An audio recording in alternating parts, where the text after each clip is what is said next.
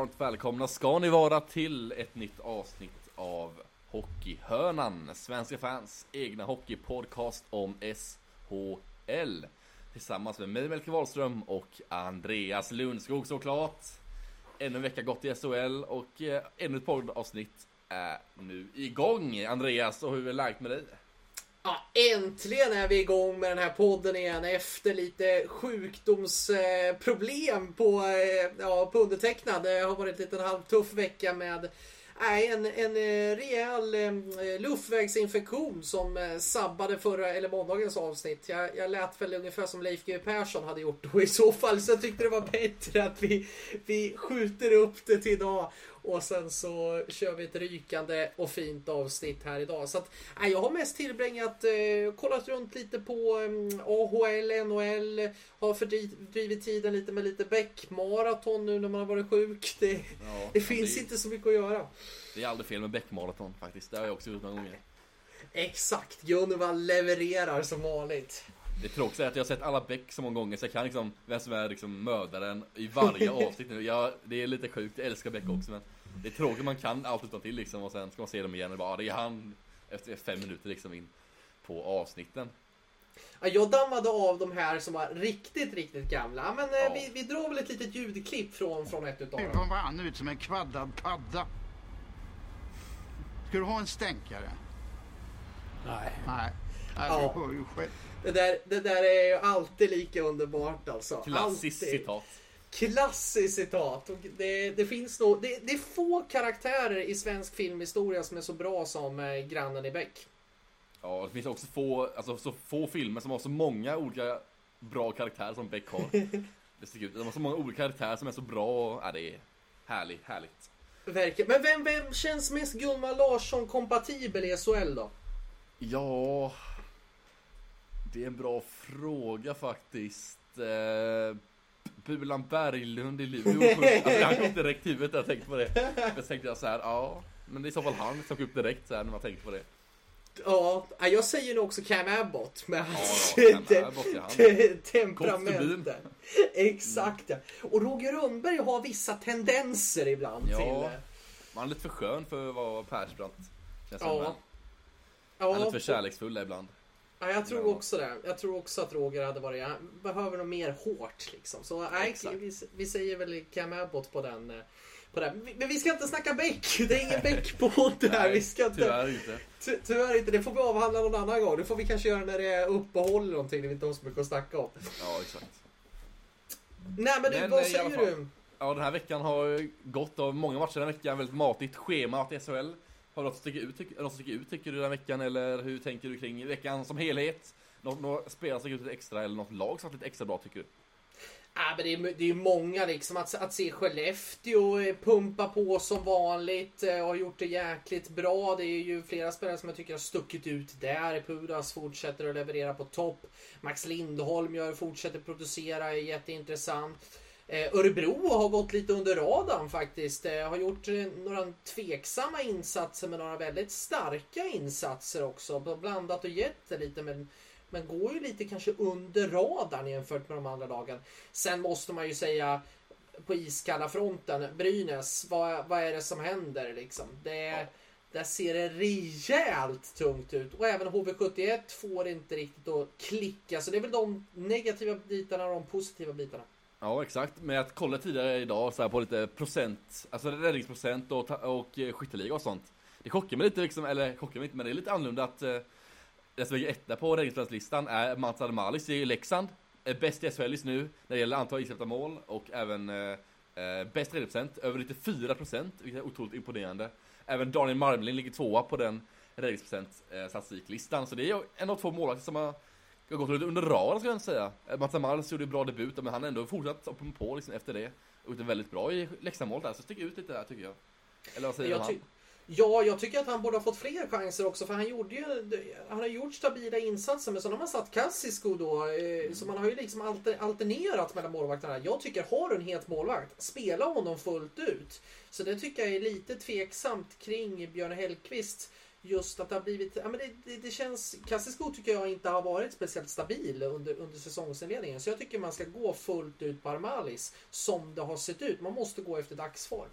Exakt, och eh, tre av ligans hetaste målvakter egentligen Lars Johansson, Gustav Lindvall och Max Högberg De ligger 9, 10 och 11 i räddningsstatistiken Det är väldigt, eh, och Rifak ligger 13 plats där också så det Ja men det ser ut lite tycker jag i räddningsstatistiken att eh, Lars Johansson, Lindvall och de ligger så långt ner, Högberg också och Orstjord är också ganska långt ner vid 12 plats Så det är väldigt många målvakter som ligger långt ner av de här toppmålvakterna eller vad man ska säga Exakt, och på Lars Johansson tycker jag är intressant för att eh, jag var inne på det lite här inför Mm. säsongen faktiskt i, i mitt resonemang att, och även när vi, jag tror det var första podden vi spelade in. Ja det var det Ehm, att det tar tid för en KHL-målvakt att anpassa sig si- till eh, SHL. Och spelet som är där med försvarsarbete, samarbete, allting sånt. Det brukar ta väldigt lång tid att kunna sätta det. Jag vet att Jonas Enroth i Örebro hade extrema problem under det här under första året. Så jag tycker, dels så tycker jag kanske inte Lars Johansson har kommit upp i den nivån som är förväntat. Men jag tror att mycket ligger i förklaringen att det ligger också en anpassningsperiod emellan där. Att man måste kunna sätta försvarsspelet och fixa liksom en, en, en bra dialog och liksom ja, men ha en synk mellan. Och det tycker jag inte Frölunda har fått riktigt nära han har stått. Jag tycker Fredrik eh, Dishov, eh, om uttalet fel, jag tror att det är rätt uttal va? Ja, Eh, har ju gjort det väldigt bra tycker jag. Men han är ju också van vid svensk hockey på ett annat sätt än vad Lars Johansson är. Så att eh, jag tror att det handlar mycket där. Jag ska säga att nivån har inte varit tillräcklig från, från Lasse Johansson. Men jag tror att förklaringen ligger i mycket det här med anpassningsperioden. Ja, exakt. Eh, Men Högberg är ännu sämre än Lars Johansson. Så, ja. Men hans, hans, hans försvarsspel, han har inte varit jättebra heller, så man kan försvara Högberg lite. Han har ändå varit bra tycker jag, men hans försvar har inte varit så lika bra.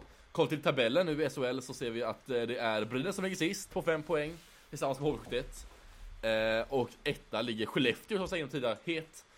Väldigt hett lag, och Malmö ligger tvåa bland annat där. Har du Ja, någonting att tillägga? Ja, Nej, Malmö. det, det, det, det är ju... Det är ju jag har ju dömt ut dem fullständigt alltså när, när det var eh, alltså inför säsongen och, och jag hade ju verkligen tippat på att men jag trodde de skulle komma bli en slagpåse. Nu har de ju fått en drömstart här och verkligen fått den här kollarhockeyn. Alltså där spelare går in och gör jobbet varje dag. Eh, Ta det hårda jobbet och det jag tycker Malmö har i år jämfört med vad de har saknat tidigare år under eh, Joakim Fagervall här närmast. Det är ju faktiskt ett grundspel att kunna luta sig tillbaka på när liksom det går lite tungt och när det inte, kanske inte klickar riktigt i. De har inte de här fixstjärnorna. Men man har ett spel som alla litar på till 110% och det kan ju räcka ändå jäkligt långt. Sen ska det bli intressant att se om det, om det räcker så här. Jag tror inte det kommer räcka till en andra plats. Det, är, det tror jag definitivt inte. Men hur långt kommer det här när man kommer in i formsvackor? Hur kommer det gå när det går lite tyngre? Malmö är också en lag som inte har en enda nollpoängare i hela SHL. Det är också väldigt eh, imponerande måste jag säga. Inte en enda nollpoängare på fem matcher medan alla, ja, de andra lagen har minst en. Så det är också imponerande något som sticker ut verkligen i Malmö. Där tycker jag, eh, som du säger, där tydligheten i Malmö är mycket bättre. Eh, framförallt där. Men det är lite smått om tabellen sådär. Eh, och kollar vi till eh, själva liksom, poängligan då. Så ser vi att, eh, ja. Somra ligger högst upp, ligger högt upp där, topp tre. Oskar Möller ligger också väldigt högt upp där. Har du någonting att säga om Oskar Möllers fina inledning på säsongen? Ja men precis som Skellefteå så har det ju verkligen Det har våras när det, när det är höst för, för, för västerbottningarna. Jag tycker de har varit helt fantastiska att se liksom. Och det, det känns ju som att de står inte heller och faller även om de har de här etablerade spelarna som Oskar Möller och sådär. Det här är ett kollektiv som jobbar stenhårt som verkligen där alla levererar. De har liksom anfallsvapen, så många typer utav anfallsvapen. Så att man står inte och faller med en enda kedja till exempel. Eh, Så att jag är jätteimponerad utav eh, och Oskar Möller tror jag har varit lite trögstartad om jag inte helt fel de Ja, tidigare åren. Så att jag, det är ju imponerande att han, att han kommer upp på en så pass hög nivå som han håller redan nu. Så att eh, nej, Skellefteå bara pumpar på. Däremot tyckte de var lite slarviga i lördagens match mot Örebro där de hade ledningen eh, inför den tredje perioden. Eh, och sen så tappade de ju ledningen, lyckades dock rädda en poäng med ett sent kvitteringsmål fram till 2-2 som kunde Örebro ändå avgöra på förlängning. Lite slarvigt kanske att, att eh, de typ tappade initiativet för att om man såg till de första, ja, säg 35 minuterna, då var det ett eh, Skellefteå som faktiskt eh, till mångt och mycket spelar någon form av propagandahockey nästan till. Mm, och backen Pudas leder hela SHLs poängliga så vi tillägga där också. Men det var inledningen och nu är det dags att hoppa in i varje lag då. Eh, vi börjar med Leksand. Och Leksands vecka har varit, ja, den har varit ganska bra skulle jag säga. Två vinster, en förlust. Man vann ju mot Hochstedt efter förlängning i tisdags. Eh, på bortaplan där i Huskvarna Garden. Och senare blev det en uddamålstorsk i torsdags mot Örebro hemma. Och en uddamålsseger mot Frölunda i lördags då. Så det, ja, det skiljer bara ett mål mellan eh, mellan Leksands matcher här som vi ser. Exakt och eh, ja, men det känns ju också som att man har gått lite upp och ner i prestationsnivån. Eh, jag tycker att man gjorde en fin insats mot HV. Eh, en riktigt svag insats faktiskt mot Örebro där man nästan till slutade spela på något sätt. Eller man, man satt kvar i bussen fullständigt i början av matchen och sen kom man tillbaka ändå och gjorde match av det där och kunde. Ja, kniper med sig en poäng där. Men nej, det känns som att det går lite upp och ner. Frölunda-matchen var eh, två jämna lag tycker jag. Där det inte var starkt av Leksand att studsa tillbaka. Eh, så det är lite ojämnt. Men jag tycker ju ändå att målvaktspositionen där med Kaskisos känns inte klockren som jag var inne på tidigare där. Eh, jag tycker inte att han är den etablerade toppmålvakten. Eh, han har ju visat på att han har väldigt höga toppar. Men han har också väldigt djupa dalar. Och jag tycker inte att det ger någon riktig trygghet. Så att försvarsspelet tycker jag också Leksand borde, eh, borde förbättra och fokusera på nu. Anfallsmässigt så gör de ju ändå, de producerar ju ändå ganska mycket. Nu får ju dessutom in Marek Rivik som blir en superförstärkning. Men däremot så ska vi snacka om det som hände idag också. För vi har ju mm, haft en dagsaktuell händelse precis innan vi ska spela in den här podden. Och det är ju att ehm, eh, Mika Roma, stjärncenter, hamnade i ett väldigt stort ordbråk med eh, Björn Hellkvist och skrek, eh, ja, jag citerar honom, 'fuck you' till eh, Björn ja. Hellkvist. Efter en skridskoövning, det var någon form av ehm, eh, diskussion vid en skridskoövning. Så han åkte av med träningen och fick inte vara med längre. Är det här bara i stundens hetta eller finns det liksom, är det här tecken på en disharmoni? Eh, det är en bra fråga. De skulle köra Idioten om de fick för mig helt rätt där i Leksand och sen ville inte eh, Roma ställa upp på det och då blev det en, eh, eller en eh, orddispyt mellan huvudtränaren Björn Hellkvist i Leksand. Men jag tror att detta, eller det som jag läser mig till är att eh, Björn Hellkvist tillsammans med Luka Roma och Patrik Saxon satt sig ner efter träningen eh, i ett rum och snackade igenom detta. Eh, så Ja, det ska vara löst vad jag har hört i alla fall och det ska inte vara något större problem där tror jag inte. Jag tror det här är väldigt vanligt, eh, problem, inte problem, men jag tror det är väldigt vanligt så att i stridens hetta så kan det bli lite irritation och sånt. Framförallt nu när det börjar närma sig vinter och lite mörkare ute och folk blir lite mer irriterade, sover lite sämre. Så jag kan tänka mig att det kommer bli allt mer vanligare. Kanske inte just detta man säger så här grova ord till en tränare. Det är inte så vanligt kanske, men att det blir lite irritation mot träningen och kan brinna till lite. Det kommer såklart, allt, eller kommer såklart hända liksom varje säsong och även nu. Ja, ja, det händer ju på Skellefteå. Det händer ju på Skellefteå, inte så här, men, men det var ju två spelare som rök ihop på Skellefteås träning även, även i förra veckan när jag ställt på Hockey News där. Eh, så så det, är ju, det, är ju, det händer ju, men just mm. att man skriker en sån grej, alltså det är ganska så... Ja, ja. Det, att skrika en sån grej till en tränare. Ja, verkligen. Det sticker ut verkligen gör det. Men eh, jag tror man löser det på ett bra sätt internt i Leksand. Alltså jag tror inte det är några liksom, större problem nu. Utan jag tror att man kan se mellan fingrarna lite och eh, kan gå vidare efter det. Det är klart inte okej ändå. Från Romas sida är det inte en toppcenter som ska liksom visa ett gott föredöme för resten. Men sånt där kan ju hända och eh, så länge man löser det internt och inte går ut med allt för mycket i media. Och Björn Hellkvist svarade ju inga kommentarer i media så han, ja, det löser man internt tycker jag och det har man nog gjort i Leksand tror jag. Så jag tror inte det är några större bekymmer där. Eller någon större liksom, saker att oroa sig för om man är Leksands fan. Jag tror att det kommer gå, eller återgå till det normala till nästa match då imorgon. Eh, annars på Leksandsfronten så har det ju varit eh, också ganska uppmärksammat. Vi hade ju en eh, övergång. Riktigt kul att mm. vi fick lite silly season här nu också i början av säsongen. Eh, Lukas Elvenes ansluter från eh, HV71 eh, och jag tror att vi har också fått en lyssnarfråga på just det där från Oskar eh, Laurell. Eh, och eh, ja, men vad säger du till början om, om den här värvningen? Ja men Lukas Elvnes tycker jag det är en eh, bra spelare, tycker jag så. Men när man tänker till liksom, jag tycker han känns lite överbetald. Så här sett vad han har presterat tidigare i sin karriär. Alltså han tjänar nästan runt 200 000. 180 000 skrev Mr Madhawk. Alltså jag är lite förvånad för han gjorde, sist han var i SHL, då snittade han nästan, då snittade han 0,6 poäng tror jag det var, i Rögle. Det är hans bästa notering i SHL någonsin också ska vi tillägga. Alltså 0,6 poäng, gör det över en hel säsong så gör det runt 28-29 poäng. Det är ju kanske en, ja en, and, en liksom en, kan man säga, en andra kedjespelare, Mm. en tredje kedjespelare liksom rent poängmässigt kanske.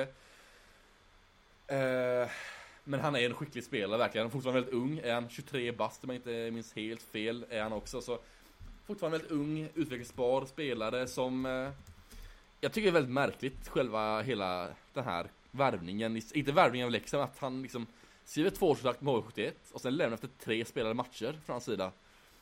Alltså han har ju varit skadad under försäsongen eh, och inte kommit till spel under försäsongen eh, och det har också gjort att han hackat efter lite. Eh, Så jag tycker inte det är konstigt att man liksom får minimalt med speltid första matcherna om man inte så här har varit med på försäsongen Eller att man inte levererar när man väl får chansen. Det är rätt rimligt av Tommy Samuelsson och HV71 att sätta han så långt ner i laget.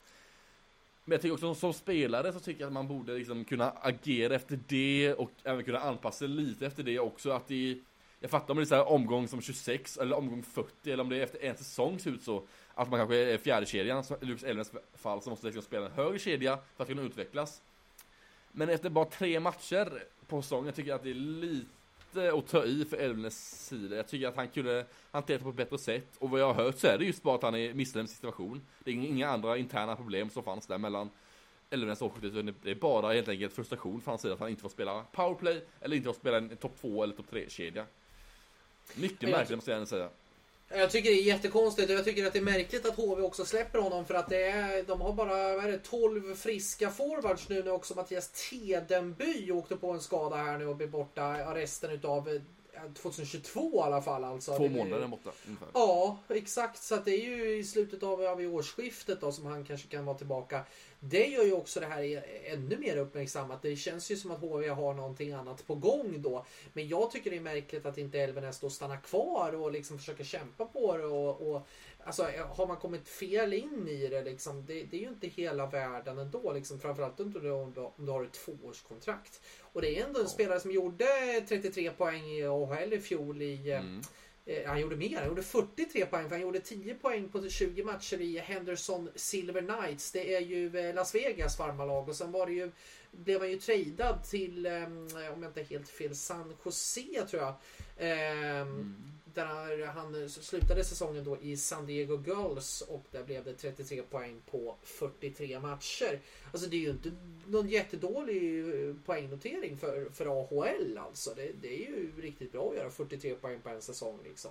Ja verkligen Eh, så att jag, jag är också väldigt fundersam till den här eh, att det gick så fort. Att de inte, jag hade inte sagt någonting om man kanske hade varit i omgång 28 eller omgång 35 när man gör den här.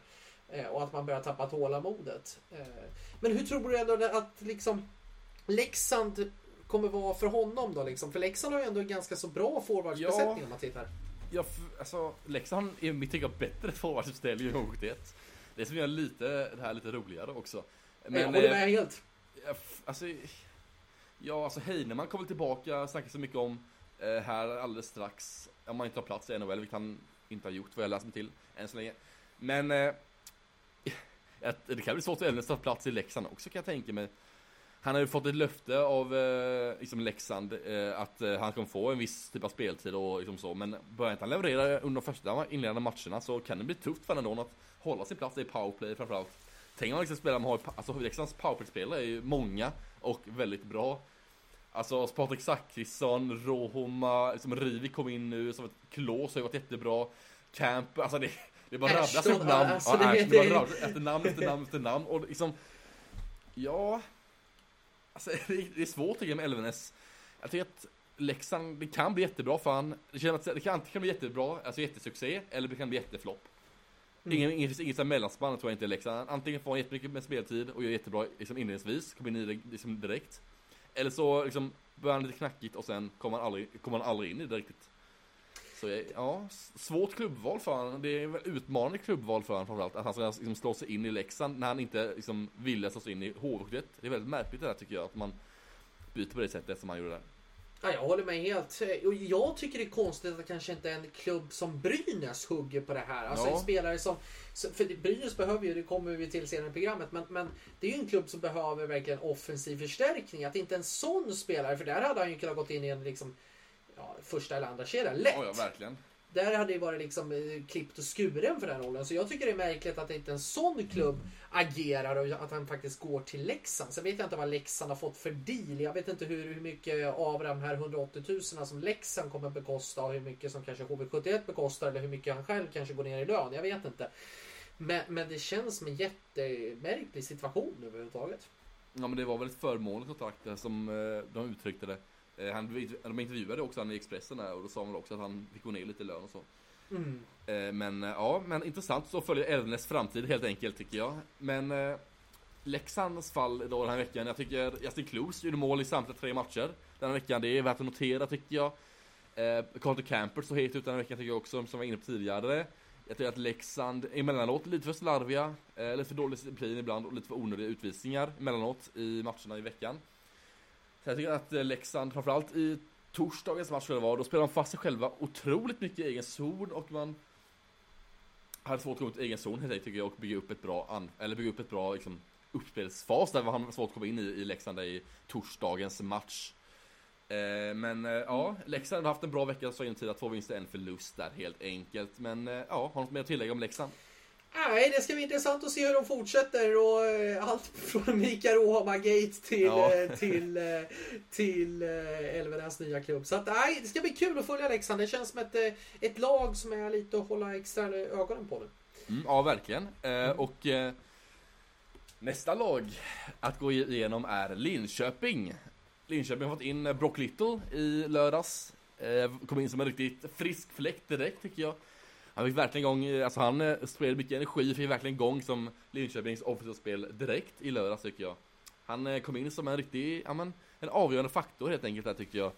Man såg liksom i deras offensiva spel att det blev bättre när Brock Little kom in, man såg att de andra spelarna tog efter han lite tycker jag.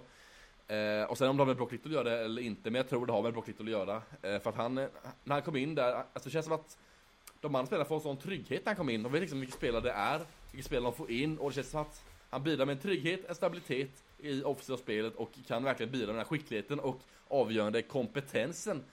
Det såg man liksom i flera, i flera sekvenser tycker jag i deras anfallsspel, att han liksom, ja, var otroligt bra där helt enkelt. Så han har verkligen kommit in i säsongen på ett bra sätt, eh, Brock Little redan. Eh, än så länge.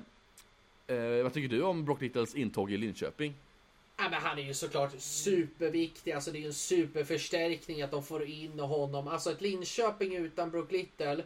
Det är ungefär som en pasta carbonara utan eh, bacon eller pancetta. Alltså du, du får inte det här lilla extra. Du får inte det här lilla snitsen som du behöver. Men med honom, då får du eh, så att det ändå ser ganska så bra ut nu efter den brut- brutalt dåliga inledningen som Linköping hade. Så han är ett superförstärkning och han kommer verkligen att, att bidra just med sin karaktärsspel. Alltså jag tycker också att han är ganska så underskattad och inte får den credden han, han förtjänar riktigt. Och jag har haft lite skadeproblem också tidigare. Men, men alltså det är ju en superförstärkning och det är precis den spelaren som Linköping behövde i det här läget. Eh, det är en spelare som verkligen kan bygga offensiven kring. Ja, helt klart. Eh, han skapar också väldigt mycket på egen hand tycker jag och verkligen bidrar som sagt. Eh, och Linköping fick då en vinst och en förlust den här veckan. Eh, det blev två uddamålsmatcher även för Linköpings del. Man vann i, ja, mot Luleå med 2-1. Målskyttar Strandberg och Ljung. Två viktiga spelare att de kom igång för Linköping. Där två viktiga centra för dem. De ska leda detta laget framåt.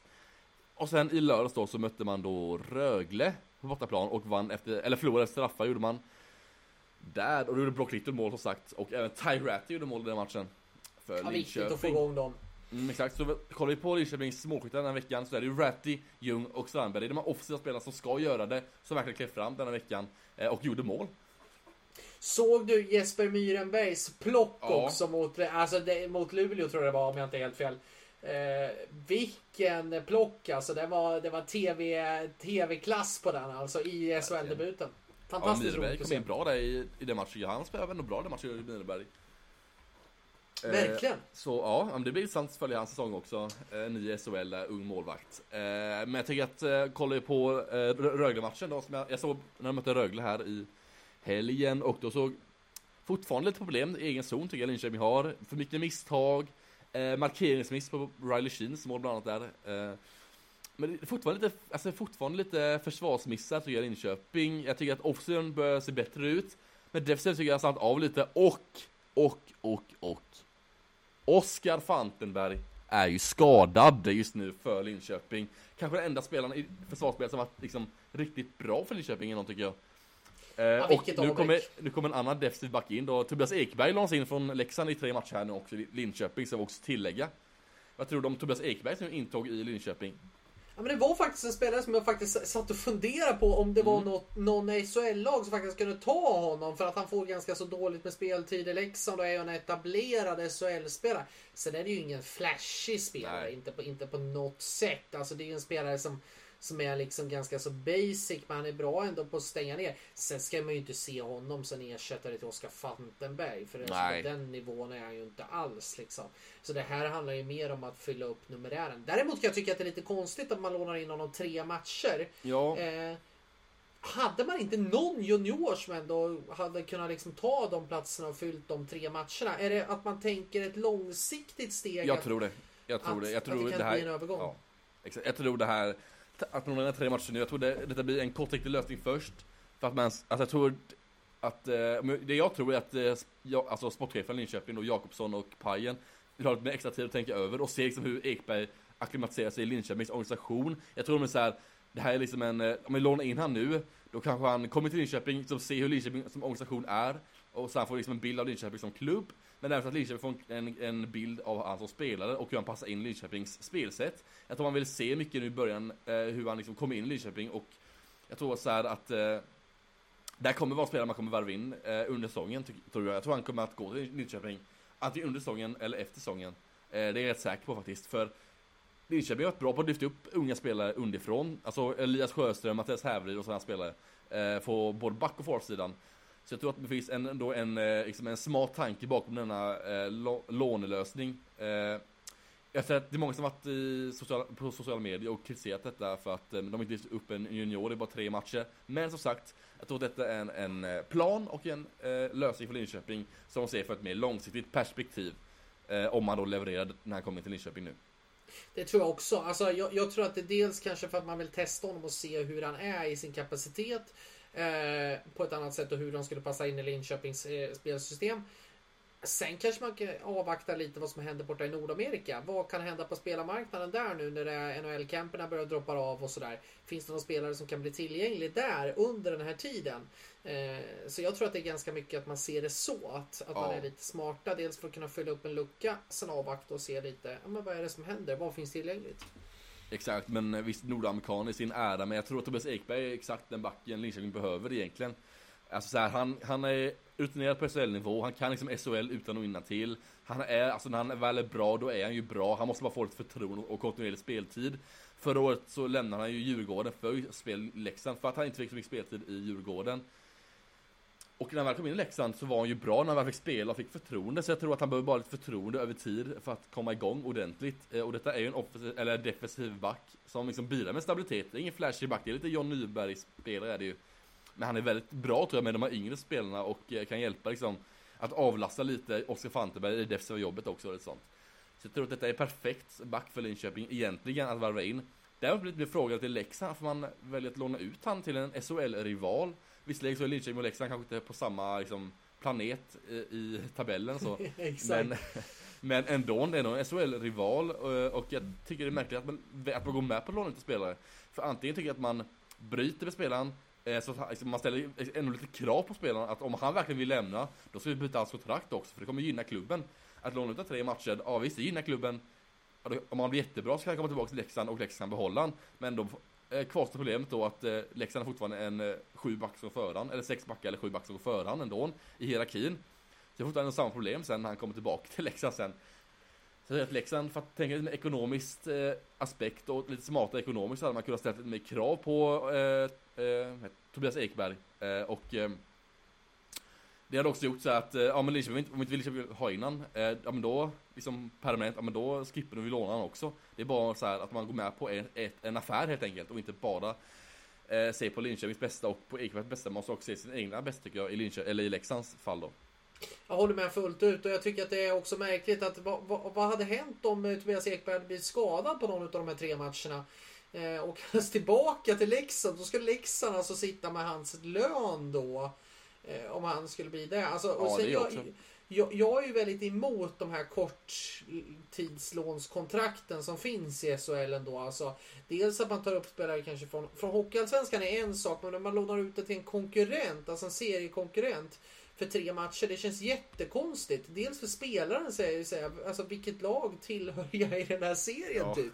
Alltså jag, jag tycker det är jättekonstigt. Då är det bättre att bryta och säga, men du får gå permanent. Mm, Eh, jag, tyck, jag tycker att men det kan man ju, man kunde ha gjort ett korttidskontrakt med Ekberg. Man kunde ha skrivit ett kontrakt med, sen kanske inte Ekberg hade gått med på det, liksom eh, bryta upp en kontrakt för hela- hela säsongen. Men, men jag tycker också att det, det, det jag, jag är jätteemot just de här låneavtalen när det sker inom samma liga. Alltså Eh, ett fall är ju att kunna låna upp till Hockeyallsvenskan och kunna få liksom en spelare som är kunna få den erfarenheten och rutinen och sådär. Sen tyckte jag var idiotiskt när, Mora lånade ut spelare till Leksand. Det tyckte jag var fullständigt idiotiskt i, Ja, i förra säsongen. Ja, exakt. Det Ja, var ju lagkaptenen också. Det var ju Ja. helt, helt otroligt.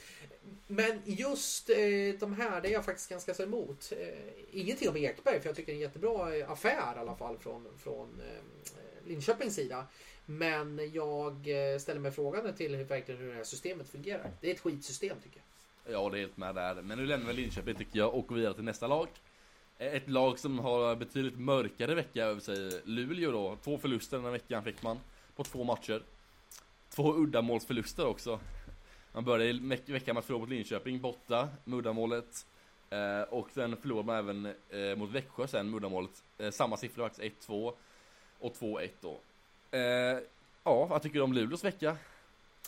Det är ju inte speciellt bra. Alltså, defensivt är det ju, är det ju ändå hyfsat. Det är Ja. ju ändå eh, liksom okej siffror. Om man tittar på försvarsagerande och sådana saker så tycker jag ändå att det finns eh, grundspel att luta sig tillbaka mot. Det är ju inga frågor om det liksom.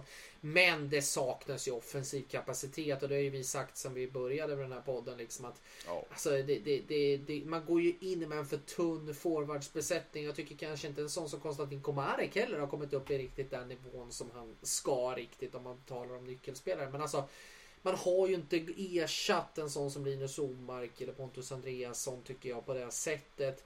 Eh, och jag förstår inte riktigt vad man väntar på. Alltså Mario Kempe ska tydligen dra till Schweiz nu läste jag i, i, Mm. eh, med Lausanne som är, han har varit på någon form av tränings... Varit ute och hälsat på tydligen en- enligt eh, uppgifter. Ja, provtränat. Eh, ja, i provtränat så till och med. Mm. Det känns ju jättekonstigt att man inte har valt att gå efter en sån spelare kanske. Eh, Jag, jag, jag tycker det är märkligt att det inte börjar hända någonting och att man inte ens börjar höra några form av namn liksom. Nej exakt, nu börjar det sålts ut spelare från eh, Nordamerika, så nu börjar det komma lite mer spelare till, eller från Nordamerika. Så det finns ju några namn att plocka nu tycker jag. Man ser typ varje dag att spelare gallas bort från NHL och går ner till AHL och det är ju inte alla bekväma med. Så jag tror alltså det borde ändå finnas någon spelare för Luleå nu tycker jag. Eh, någon. Ja, jag läste ju lite av de som har blivit bortgallrade så är ju eh, jag såg att Filip Olander ska i alla fall fortsätta i AHL och jag såg även att eh, att eh, Jesper Fredén kommer också att fortsätta troligtvis i, i AHL enligt deras agenter. Där läste jag i, jag tror det var Aftonbladet hade ut en artikel.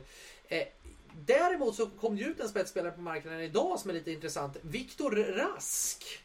Eh, det blev ingenting av hans eh, så kallade PTO-kontrakt, alltså provträningskontrakt med Columbus. Eh, och han finns nu uppe på marknaden. Kan det här vara ett namn för Luleå? Ja, ja men verkligen. De måste få in ändå en forward till tycker jag. En, liksom en spetsforward. Kan det vara ett namn som verkligen kan kliva in i Luleå, Luleå och göra det bra? Så ja, verkligen. Det finns ju många namn där till man kan lägga till men framförallt är det ett namn man kan plocka in tycker jag. Ja. Två mål den här veckan framåt. Eh, Ja, det är ju bedrövligt på 120 inte minuter hockey. Mot Linköping också, ett av lagen. Inget ont mot Linköping så, men deras försvarsspel har ju inte varit det bästa och ja, nej det är dåligt av Luleå tycker jag att inte göra fler mål den här veckan.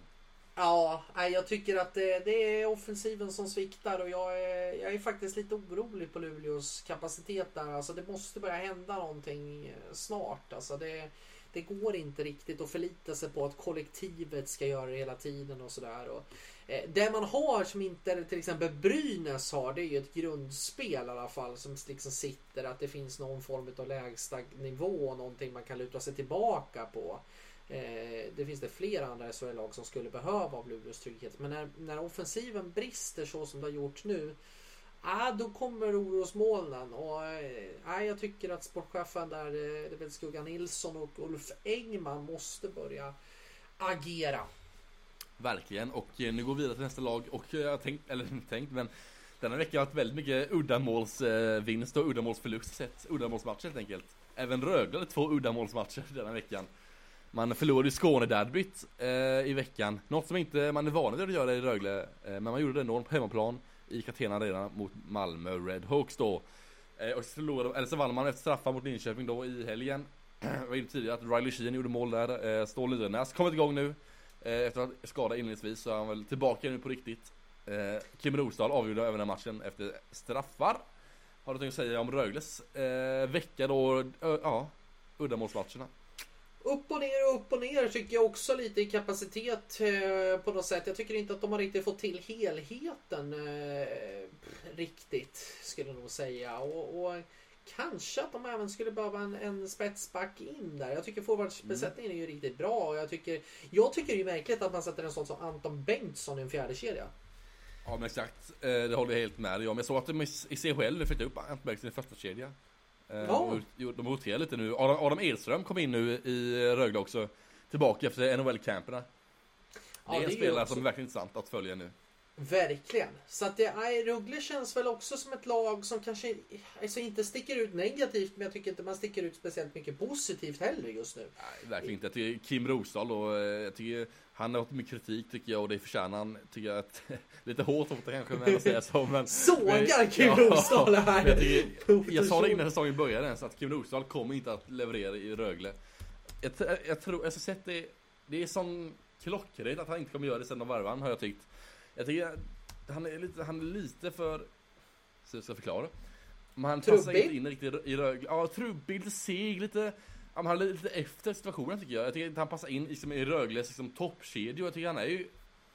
Eh, I så fall så är han en, liksom, en tredje fjärdeline-spelare som Max, eller ja, i Rögle. Jag tycker att han, han är bra hos Sam var han ju, men det är beroende på att eh, man hade sitt spelsätt om under Filander där och han hade Olofsson bredvid sig som höll han i handen när det blåste.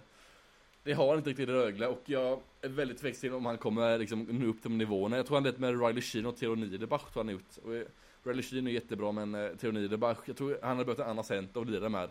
Eh, en toppcenter bör han lira bredvid med i alla fall. Eh, och det tycker jag inte Niederbach är, tyvärr. Så Sen, Roslag får det tufft. Ja, och jag tycker inte heller att en sån som Dennis Everberg riktigt har kanske levererat efter, efter sin bästa förmåga med vad är det, två poäng på två assist. Fortfarande mållös på fem matcher. Mm. Det är inte en jättefin notering liksom. Även, Thomas, även Theodor Niederbach har lite mer att, att jobba på om man ser till poängproduktion också. Eh, däremot är det intressant att se Marco Kasper fortfarande ta mm. stora kliv upp. Fyra poäng på eh, fem matcher nu. Och är ju en stor talang verkligen. Så att, eh, men det känns som att det, det, finns mer att ta av det här Uggle. Men jag tycker att forwardsmässigt ser, ser det lite trubbigt ut. Ja, jag tycker att Anton Bengtsson spelar på en kant, eller spelar, har spelat på en kant, eller spelar på en sån center och ska spela på en kant tycker jag. Eh, där man skjuter själv i foten lite, tycker jag i Rögle. Han ska liksom inte vara en center, han ska vara en kantspelare. Vilket han också var nu i CHL så, eh, så det är kanske, de har ändrat på det nu i Rögle, det vet vi inte än. Får vi se sen imorgon. Eh, sen men, målvaktspositionen där. Mm. Alltså jag sitter och tittar på statsen här. Eh, Kalle Klang har alltså 89,5 i räddningsprocent och 2,5 på insläppta mål på två matcher. 2,05 ska vi säga. Eh, och Kristoffer Ifalk har 3,21 mm. och 88,5 i räddningsprocent. Det är inga smickrande siffror Nej. på målvakterna. Och här kan man inte heller skylla på ett dåligt svarspel tycker jag inte i Rögle. Jag tycker det Rifalk har varit dålig inledningsvis. Eh, så att Högberg hade dåliga siffror också med att hans försvarsspel inte varit det bästa framför sig. Jag tycker att Rifak har inte så mycket att skylla på i sitt försvarsspel. Jag tycker att Rögle, ibland så svajade det lite men det är inte så mycket att skylla på tycker jag inte för Rifaks del. Jag tycker att Rifak har varit dålig helt enkelt. tycker jag, på den här säsongen än så länge. Jag tycker att han måste upp några snäpp till för att kunna bli bra eh, och att han har verkligen eh, liksom, fler nivåer i sig tycker jag. jag tycker, ja, men han har inte varit bra hos ingenting, helt enkelt. Har man en räddningsprocent på 88, eh, alltså 88, strax över 88, då är det, alltså det är riktigt dåliga siffror. Ja. Det, är, det, det är alldeles, alldeles för svagt. Så då är det väldigt svårt att vinna hockeymatcher till sina lag. Så, Så man, har det. inte haft, man har inte haft den här målvakten som kan liksom vinna matcher. Jag tycker det var likadant i Skånederbyt där det var lite billiga puckar som Mm. släpptes in. Man har inte den här målvakten som kan en dålig dag, lite som Jonas Enroth är för Örebro. Har du en dålig dag, men då kan Enroth rädda Örebro till exempel. Det tycker jag inte att Rögle har på samma sätt. Nej, och sen mot Linköping i helgen, då dominerade man tyckte jag i, i Rögles läge där. Man var bättre än Linköping hela matchen helt enkelt tycker jag. Eh, men man vinner inte matchen för man var inte, man var inte riktigt effektiv, var man inte och lite enkla mål bakåt där. Så ja, Rifalk och Klang måste verkligen steppa där i Rögle tycker jag. Som Verkligen. även Rosdahl och vissa andra där i Rögle som vi inne på nu. Men vi går vidare tycker jag till nästa lag som är Timrå. Timrå en vinst och en förlust den veckan. Eh, De inledde veckan med en uddamålsvinst. Eh, Såklart. Eh, Tema för mot- veckan. Exakt, förra veckan var det alla lag hade samma liksom, antal förluster och antal vinster. Den här veckan så är det bara uddamålsmatcher nästan. Exakt. Eh, ja, men i alla fall, man vann emot H71 efter förlängning där i tidigare veckan. Eh, La Lega gjorde två mål i matchen. Joel La Lega där i Timrå, imponerande. Nick Halloran fortsätter, fortsätter att leverera i Timrå också. Det är imponerande tycker jag där. Att man vann mot H71 där. Ja, alltså, och jag måste ta vidare där. Nick Halloran, vilket fynd. Alltså, jag, tycker, jag tycker att han kommer till en bättre roll också än vad han hade i Örebro. Det känns som att han har en friare roll och kan göra lite vad han vill stundtals. Så att, ja, men defensiven kanske får, får brista lite men att han får ändå alltså, blomma ut med sina offensiva spetskapaciteter. Alltså jag tycker ett jättefynd som de har gjort där alltså. Att plocka upp honom och nej, är ju liksom har bra power, bra spelsinne. Alltså titta på de passningarna som han lägger. Sen tycker jag också att han har bättre medspelare nu än vad han hade i Örebro. Men alltså det där är, det är ett jätte, jättefynd utav eh, Timrå. En spelare som Ja. verkligen producerar. Jag håller helt med där. Han har verkligen överträffat mina förväntningar på honom än så länge. Eh, väldigt, ja, ett fynd som säger, verkligen. Jag var lite tveksam till honom inför säsongen, men han har verkligen överträffat mina förväntningar och gjort det väldigt bra utefter sin förmåga. Och var en av de bästa spelarna tycker jag i hela Timrå faktiskt, i 5 mot 5-spelet bland annat. Ja, leder också interna poängligan med tre mål och två assist på eh, fem inledande omgångarna. Eh, och jag tycker att det, de har ju ändå fått ut ganska så bra poängproduktion av de spelarna som ska vara ledande spelare. Eh, alltså om man tittar på Emil Pettersson, eh, Jonathan Dahlén. Nu har ju visserligen eh, Anton Wedin saknat så han har ju, står ju fortfarande poänglös. Han har ju bara spelat i två matcher. Eh, men men eh, det känns ändå som att Timrå på något sätt har hittat någonting. Alltså en, ett, de har fått en bra start ändå på den här SHL-sektionen tycker jag. Eh, Så att eh, jag tror att man har någonting att bygga vidare på med det här laget. Mm. Däremot så, så är det lite uppmärksammat också att eh, Jakob Johansson har faktiskt stått samtliga matcher hittills. Ja. Ja, han släppte in sju mål förra veckan, Jak- Jakob Johansson, men jag tycker han har ändå varit bra in, än så länge på säsongen och ja, han har imponerat också. Han ligger också högt upp i Räddningsfält statistiken Strax, där. strax över 90 sammanlagt och 2,76. Och vad är det man säger? Allt över 90 är ju godkänt. Absolut, absolut. Så Absolut. det, ja men han har gjort det godkänt och väldigt bra än så länge efter sin förmåga tycker jag där i Timrå-målet. Men, Och det är väl lite som Timrå eh, om vi ska liksom sammanfatta. ja. Det är väl lite som Timrå generellt. Godkänt men det kanske finns lite mer att ta om man säger så. Ja, eller tror jag det verkligen finns mycket mer att ta av egentligen i Timrå. Eller de har ju liksom kanske lite mer offensiv kvalitet än vad de har bevisat. Eh, har, de väl en, har de väl i laget så. Men jag tycker ändå man har ändå gjort eh, kanske lite för bra rent defensivt än vad man förväntat sig av dem. Så ja, det är lite både och tycker jag. Eh, att man kanske inte ska kräva så jättemycket mer av Timrå egentligen, eh, utefter vilket lag de har. Kanske lite mer offensiv produktion i 5 mot 5 ska man kanske kräva lite mer. Eh, och lite bättre offensiv, offensivt spel. Eh, men mer än så tycker jag inte man ska kräva så mycket mer av Timrå egentligen. Eh, men som du säger, det finns alltid mer att ta av helt enkelt. Absolut. En godkänd start, definitivt. Mm. Ja, verkligen. Eh, och nu ska vi gå över till ett väldigt målglatt lag. Det här laget gjorde alltså 14 mål denna veckan. På tre matcher. Och det är såklart Skellefteå som toppar tabellen. Två vinster, en förlust. Och man slaktade ju Färjestad totalt i tisdags. Ja, det- 6-0. Men det var kanske inte riktigt en sån här, vad ska man säga, 6-0 match. Alltså, Nej. Utifrån om man tittar eh, utifrån om man tittar med liksom spelarmässigt. Alltså, det, det, Skellefteå är ruggigt effektiva ska vi säga. Skellefteå var ruggigt effektiva och det är det som de har gjort så bra också under den här eh, säsongstarten. Samtidigt som man måste hylla Linus Söderström. Wow, Ja. vilken keeper alltså. Verkligen, jag håller helt med där. Eh, och Jonathan Jonssons kedja där fortsätter att leverera. Eh, eh, väldigt heta fortfarande. Eh, väldigt imponerande. Väldigt bra powerplay i Skellefteå också med Pudas här som styr och ställer på blå. Rickard Hugg är ju, ja men det är landslagsklass på han tycker jag. Alltså riktigt, riktigt fin. Eh, I spel med puck och hur han liksom tar sig ur svåra situationer med pucken. Liksom hur han helt enkelt löser situationer och gör det väldigt bra och ändå, ja. Som man kan få så tre spelare på sig men ändå så vinner han duellerna och ändå så vinner han liksom och går ut med pucken liksom ur alla dueller. Och han gör det otroligt bra tycker jag på små ytor också han i sin puckhantering och i sitt, liksom, i sitt spel liksom hur han ska hantera situationer eh, hit och dit. Väldigt imponerad av Rickard Hugg faktiskt. Ja, och det, det jag tycker med, med Skellefteå också som, som jag tycker är ruggigt starkt också av ledarstaben det är att det känns som att alla har så tydliga roller vad Mm. de ska göra. Varenda kedja har liksom ja, men så, så skräddarsydda roller så att det ska passa dem så bra som möjligt. Det tycker jag är så eh, häftigt hur de har fått ihop det. Och även, jag måste faktiskt på, ta och hylla, alltså tokhylla, Jocke Lindström. Mm. Var tveksam inför den här säsongen. Men har nästan gjort liksom en poäng per match nu. Sex poäng på sju matcher, två mål och fyra assist. Alltså, den gubben, han kan en.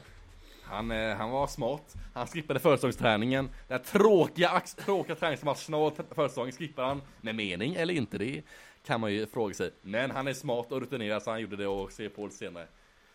Helt Vet rätt du vem tycker som uppfann det här konceptet med att missa försäsongsmatcher och Nej. signa sent? Dick Axelsson. Ja men ja, jo. Den är, den är ju rätt given. Han, eh, även fast han liksom hade kontrakt under försäsongen så jobbade han ändå inte hårt under försäsongen ändå. Exakt. Lagen bara, nej vi spelar ingen roll, vi har honom ändå under försäsongen. Han gör nog ingen nytta under försäsongen. Exakt. Det, det, kan det vara den spelare som hatar försäsongsmässor? Ja, han, försäsongsmatcher han, ja det, det måste han ändå Ja. göra tycker jag. Ja, nej men alltså Skellefteå, alltså, jag tycker de har gjort det förbannat bra liksom. Alltså, det, det, det är också den klubben, jag tror jag var inne på tidigare, som spelar roligast hockey tillsammans med kanske Oskarshamn faktiskt. Som, Mm. som spelar den mest underhållande hockeyn just nu i ligan tycker jag. Alltså det är oerhört sevärt. Det var sevärt att se dem mot Örebro också i, i lördags där.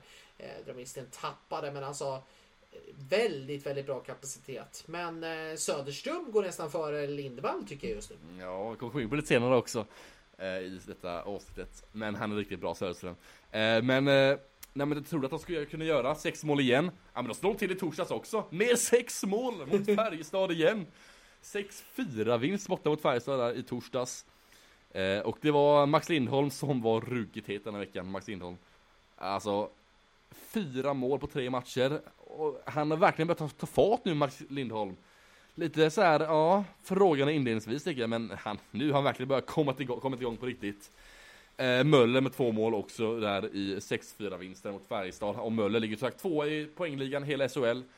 Eh, och han är ju fruktansvärt bra då med Oskar Möller och har kommit igång direkt. Det är otroligt viktigt för både Skellefteå och för han själv, Oskar Möller. Eh, han har haft problem tidigare i säsongen att eh, kommit in ganska sent i poängprotokollet men i år har han verkligen hittat sin rätta kedja verkligen och kommit in på ett bra sätt. Och jag ska också säga att jag är imponerad över Skellefteå, liksom, hur man hela tiden har tålamod i sina kedjor, att man hela tiden bygger på kontinuiteten i kedjan. Man gör inte så jättestora korrigeringar eller justeringar i kedjorna.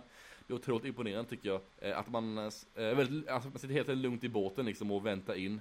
Eh, Och eh, har sagt tålamod och is i magen när det gäller att kedjor och sånt och produktionen. Kan Skellefteå vara också den bästa, bästa laget just nu på just flygande anfall? Alltså snabba spelkontringar. Jag tittade lite på det där med, med liksom på um, i analyser efter. Eh, Mm.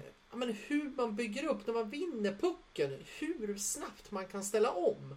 Just de flygande anfallen. Där tycker jag de är ruggigt starka. Ja verkligen, det är väl de Oskarshamn som vi sa tidigare, det är de två lagen som, som vänder snabbast, som vänder, alltså har farligast kontring, jag skulle säga, hela SHL. Så jag håller helt med på den analysen.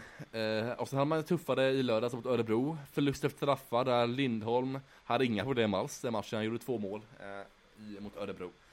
Eh, men ja, vad säger du om den matchen mot Örebro då? Du såg väl den matchen? Eh, har du några tankar kring som Skellefteås insats i den matchen? Ja, jag var ju lite inne på det. Alltså lite upp och ner. Alltså, jättebra i 35 minuter ungefär. Sen tycker jag att Mm. Örebro på något sätt kopplar lite grepp igen och, och får ta sig in i matchen och vänder ju det också. Men sen får man ju till en stark kvittering där på slutet. Jag tror det är två minuter kvar eller sånt där. Och, och sen är det ju ändå Örebro som straffar dem. Eh, till slut, men eh, alltså det är klart att det kommer komma sådana matcher också. Men det är ändå starkt att få med sig poäng från en sån bortamatch. För Örebro borta är inte enkelt, det ska vi säga. Och det är en match som Örebro, eller Skellefteå är också ett, eh, Örebro har varit ett buggy-team för Skellefteå också Mm. de senaste åren. Ja, verkligen. Eh, men det har, ja. Siktade så över fyra gjorda mål per match gjorde Skellefteå den veckan också, så det är ju riktigt bra. Alltså gjort 14 mål som sagt den här veckan. Men då lämnar vi Skellefteå och deras farliga offensiva spel och kontringsspel och går vidare till nästa lag som inte kanske är lika offensiva i sitt spel, nämligen Brynäs. Eh, en vinst, en förlust denna veckan. Man, ja, uddamåls vann mot Örebro tidigare i veckan. Eh, och eh, Ja, Greg Scott gjorde två mål i matchen och Samuel Johannesson är fortfarande väldigt het, tycker jag. Han levererar match efter match, tycker jag. Imponerande. Ja, det är typ den enda också i Brynäs som gör det just nu. För att alltså, just nu, det är, det är frosten börjar komma i Gävle och det, det, det ser nästan lite fastfruset ut faktiskt. Det, det ser inte bra ut. Alltså, det, det är inte långt ifrån en krisstämpel. Även om det, jag vet att det bara har gått eh, i början av säsongen och vi, jag kan inte liksom säga någonting om tabelläge just nu. Alltså det blir, men alltså det är ju inte någon bra start och det är ju inte det här som Brynäs be, be, alltså, be, ah, alltså skulle ha behövt. Alltså det är, det är riktigt, riktigt illa. Och det jag blir lite upprörd på faktiskt. Det är liksom en sån spelare som Dmitrij Timashov. Mm. Ska vara en av de mest producerande spelarna i hela laget. Ska liksom leda det här. Ser fullständigt loj ut. Ser liksom helt off ut i kroppsspråk. Bidrar inte speciellt mycket på isen. Känns bara allmänt bara så här, jag är bara här för cashen. Liksom. Det är lite så Mm. jag känner. Och jag ska också säga det. Jag har lite inside faktiskt när det gick till när eh, Timashov eh, var, eh, bjöds ut på, den, på svenska marknaden i, under förra hösten. Eh, då var ju Örebro till en början intresserade. Men Örebro valde faktiskt att tacka nej på grund utav hans rykte vad det gäller karaktär Ja, faktiskt. men det har man hört om. Ja. Så det här känns inte som att det är direkt klockrent för Brynäs. För det sista Brynäs behöver just nu det är en sån spelare som tar energi från laget som inte ger energi. Och jag tycker att det finns lite, även andra spelare, Greg Scott till exempel tycker jag inte heller, han har väl också varit lite upp och ner men alltså det, det känns inte som att det klickar riktigt helt lagmässigt och Brynäs är också ett av de lagen som inte likt Luleå kanske har ett grundspel att luta sig tillbaka mot. När det faller, då faller det i Brynäs. Ja, verkligen. Eh, alltså, det som är lite oroande tycker jag Brynäs, det är att man har på pappret en av Sveriges bästa målvaktssidor med Anders Lindbäck och Vinnie Vävelinen. Men släpper ändå in sju mål under förra veckan. Eh, och alltså de har inte varit jättebra, varken Lindbäck eller Veveleinen, Eller de har inte varit bra alls om jag ska vara ärlig. Veveleinen eller eh, Lindbäck så, på det stora hela. Och, det var detta jag varnade för lite inför säsongen, att eh, man ska inte ha två jättebra målvakter. Egentligen tycker jag inte. Man ska ha en som utmanar, alltså en som är liksom lite yngre, kanske kommer underifrån från annan liga. Som verkligen liksom tar, tar över första tron liksom. Och så kan liksom veta sin plats lite. Nu vet vi är liksom två första målvakter som sagt inom tidigare. Och jag tror att sån som Anders Lindbäck, jag tror det kan bli väldigt hackigt fan. Om man liksom står en match, bänkar två matcher, står två matcher, bänkar en match. När han inte liksom är van vid SHL efter många år utomlands. Det kan bli ett problem tycker jag för Brynäs att eh, Anders Lindbäck, om man inte ger han liksom tillräckligt med kontinuitet eller tillräckligt med förtroende och speltid, då kan han aldrig riktigt komma in i säsongen ordentligt. Det blir väldigt hackigt för Anders Lindbäck tycker jag i Brynäs där, eh, och det kan bli svårt för honom att liksom, komma in i säsongen på riktigt när han inte varit, eh, han är inte så van med SHL helt enkelt. Vad tycker du om det? Känns inte det här lite som att det har varit också Brynäs problem under de senaste åren? Att det har varit så enormt hattigt på målvaktssidan. Att man har gått med en målvakt och så nu vet man inte, ja men då är nu den första målvakt. Nej, nej, men då är den första målvakt. Alltså, det känns inte som att man har haft någon form av kontinuitet på just målvaktsbesättningen. Och om vi tittar på de båda siffror här nu så ligger de alltså, vi sa att 90 var godkänt för en målvakt. Mm, ja. Eh, Anders Lindbäck ligger alltså på tre spelade matcher på 84,5. Det är ruskigt svagt så att säga. Alltså under, alltså under 85, då är det katastrofalt dåligt. Mm. Och då ska vi ta Veini Velvelainens siffror här då. Tre matcher, 84,4. Ja, nej, det är synd. Alltså, Det är nog det sämsta jag sett av, av eh, i liksom räddningsprocent i, eh, på så här få matcher. Alltså det är nog det, det, är det sämsta jag sett någonsin tror jag. I ja, SHL-sammanhang. Jag håller helt med där. Bland två målvakter. otroligt impon- eller otroligt förvånande över att just de två i Brynäs inte stiger ut. Så. Men- Men ändå, ja, jag vet, inte riktigt. Vevelainen, han stod i 40 matcher förra året. Han inledde säsongen ganska svagt förra året, ska jag säga. Också. Men så fick han stå matcher. Alltså, han fick hela tiden förtroende, hela tiden speltid. Och fick stå matcher och därmed utvecklas och gjorde det bra. Och där har ju strax problemet att han inte kommer få lika mycket kontinuitet i år och inte lika mycket förtroende liksom att få stå vecka in, vecka ut sådär, alltså varje match. Som jag, som jag fick göra förra året. Eh, så där blir det problem för Brynäs att se över, eh, över säsongen då. Vad tycker du? Ja, exakt. Men, men ska, ska är, är, handlar det om ett försvarsspel som inte fungerar? Eller Nja. handlar det om rent målvaktsmässigt tycker du att de inte kommer upp i nivå? Eller är det en kombination av båda?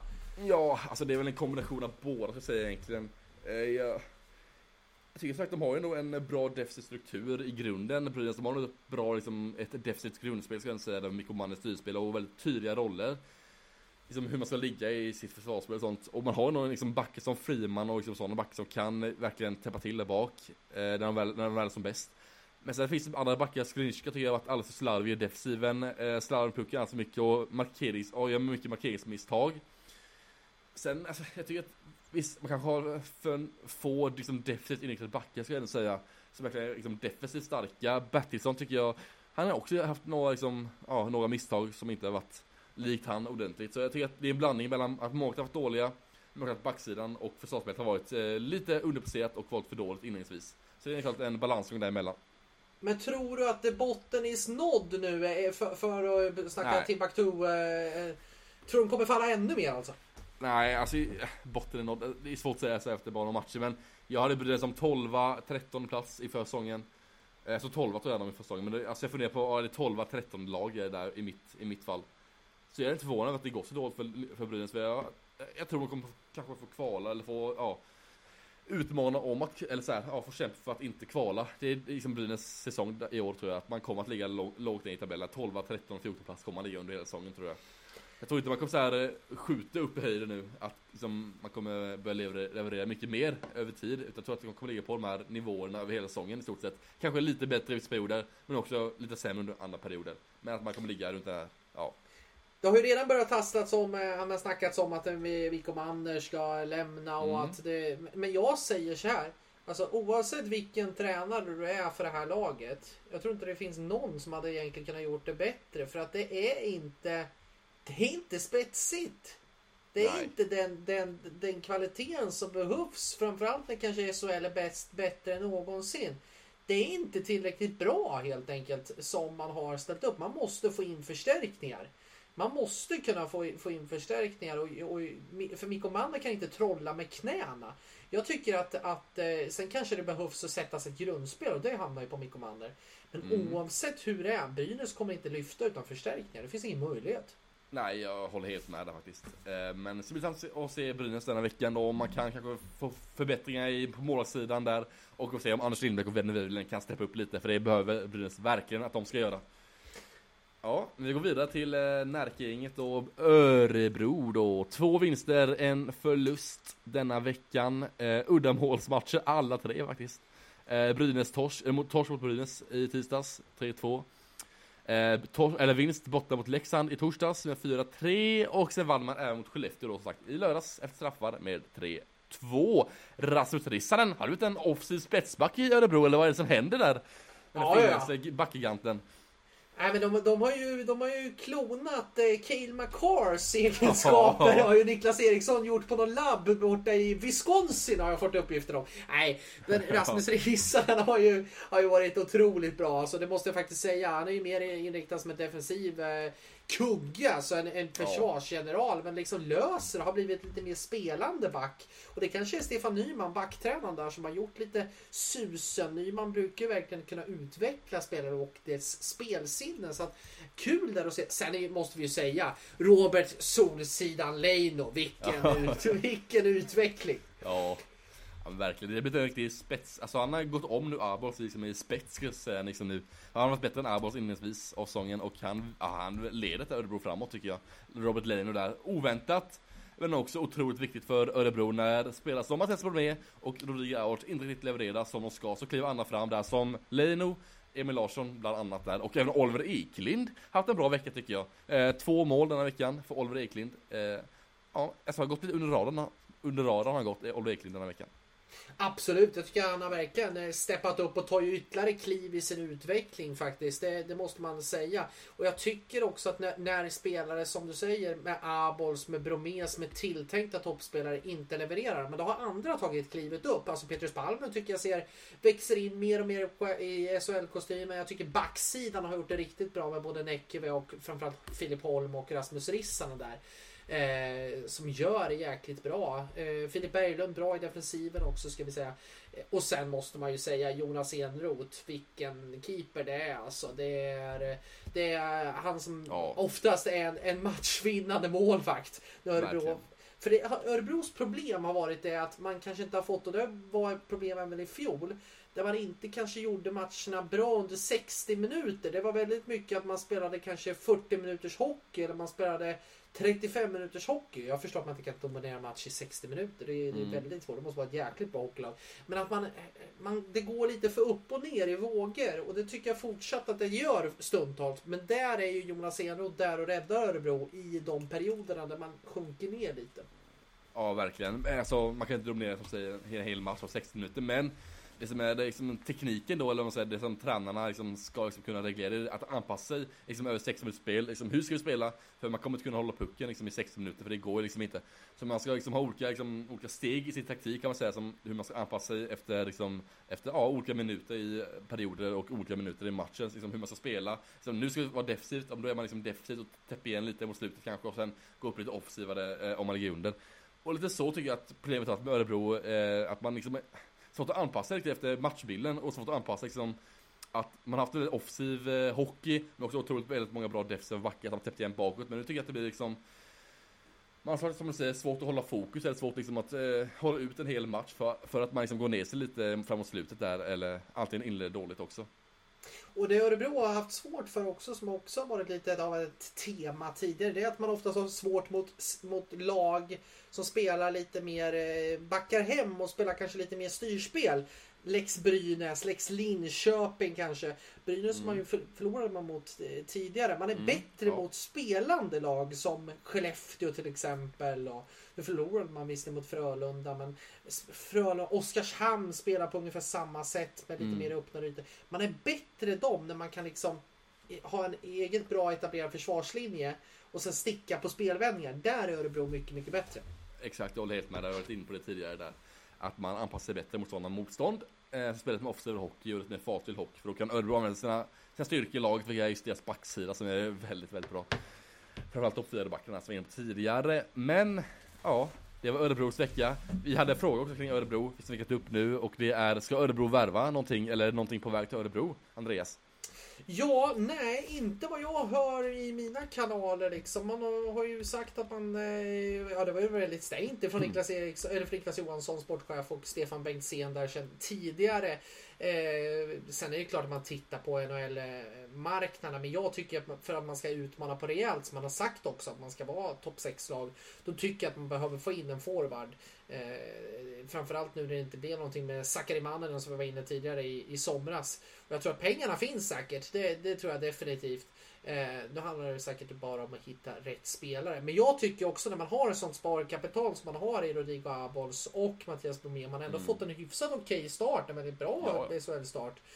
Klart godkänd SHL-start. Så är man inte i någon panikläge att man måste värva värva någonting för att det ska värvas. Utan då, då är det bättre kanske att vänta och, och, verkligen träffa rätt. Det handlar mer om att hitta, hitta rätt spelare. Men det är klart, jag tycker att Örebro ska vara ute på marknaden. Definitivt.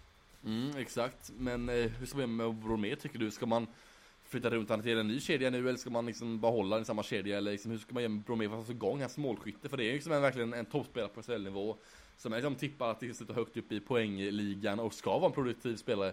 Eh, men hur ska man göra med Bromé som har haft väldigt, väldigt trögt inledningsvis tycker jag, väldigt osynlig i matcherna. Jag tycker kanske att man, eh, han, behövs eh, släppas lös. Eh, jag vet inte riktigt vad han får för, för instruktioner utav Niklas Eriksson. Men så hade jag varit Niklas Eriksson så hade jag sagt till, till Mattias Bromé att du behöver inte fokusera på defensiven. Du ska inte fokusera på defensiven, du ska fokusera på offensiven.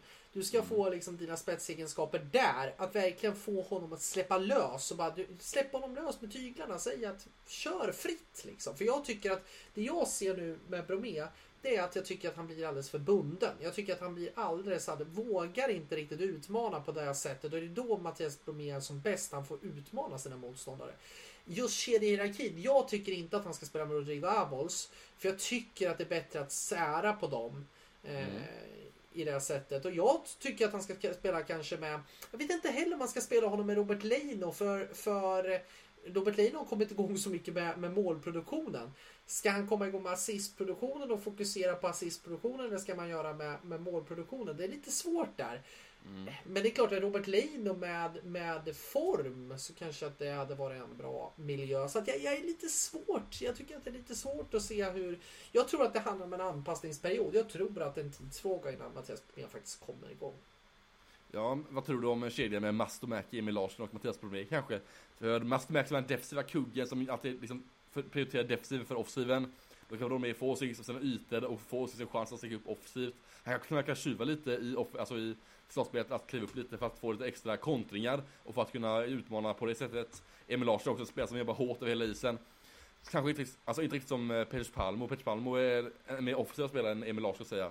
Så därför passar nog egentligen bättre med Emil Larsson som tar lite med defensiva, liksom jobbet och defensiva ansvaret. Vad tror du om en sån sak som man går åt det hållet, sätter han bredvid två kanske defensivare och hårt arbetande spelare eh, så att han kan få lite friare tyglar? Eller hur ska man liksom tänka där kring situationen?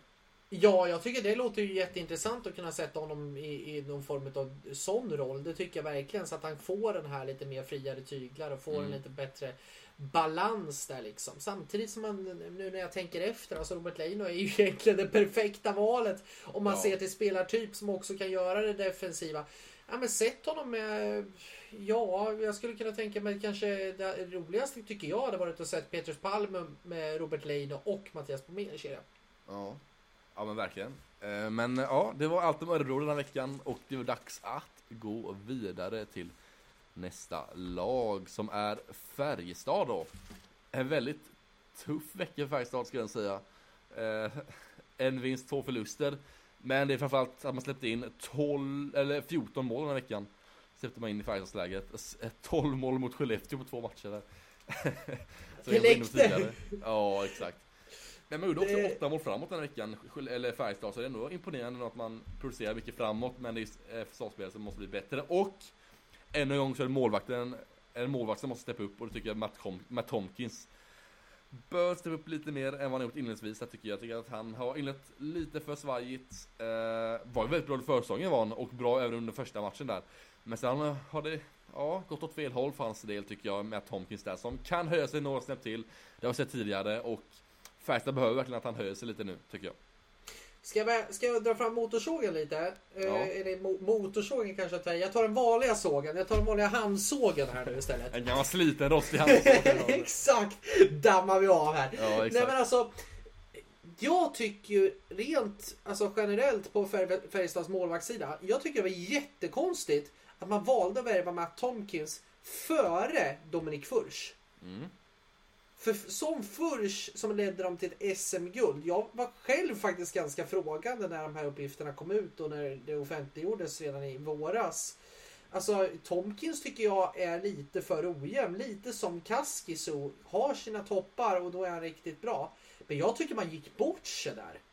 Mm. Jag tycker det är en försvagning mot den målvaktssidan man hade i, i fjol där Dominik Furch verkligen steppade upp på.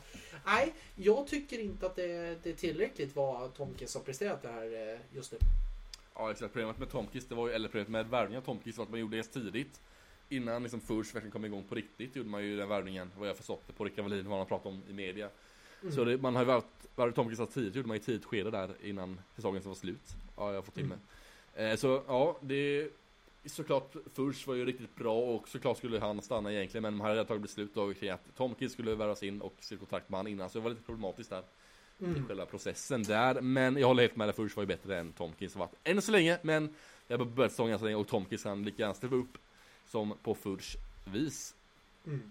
Dessutom så saknar man ju just nu i defensiven, det ska man ju notera, Mikael Wikstrand som inte har spelat ännu. Eh, Ja. Det är ju ett jättetapp liksom att, att han inte kan vara med från start liksom. Det, det, det syns ju verkligen för det är ju defensiven det har eh, brustit. Jag tycker ju ändå att Ja, men sånt som Marcus Lillis Nilsson ändå har kommit igång bra. Mikael Ny, eh, Lindqvist eh, har ändå producerat. Joakim Nygård, Victor Rizell, Daniel Wiksten. Alltså det är ändå okej poängproduktion. Det är inte så att det liksom sprakar om det. Eh, däremot är jag lite tveksam till den här eh, Remy Ellie som eh, bara har gjort två poäng, ett mål och en eh, assist hittills. Känns inte riktigt. Sen tycker jag man kan ta mer utav Per Åslund också. Som eh, öste in poäng i slutspelet eh, här i våras men som bara har gjort två poäng på eh, sex matcher hittills. Mm, exakt. Jag tycker Färjestad, Färjestad tycker jag har fyra så här produktiva kedjor kan man ändå ha faktiskt, Man kan liksom möblera om och ändå, liksom, ändå hitta fyra liksom, bra kedjor som kan liksom, när de väl har sin dag liksom, en kedja då har de liksom, kan de göra liksom, många mål och sånt.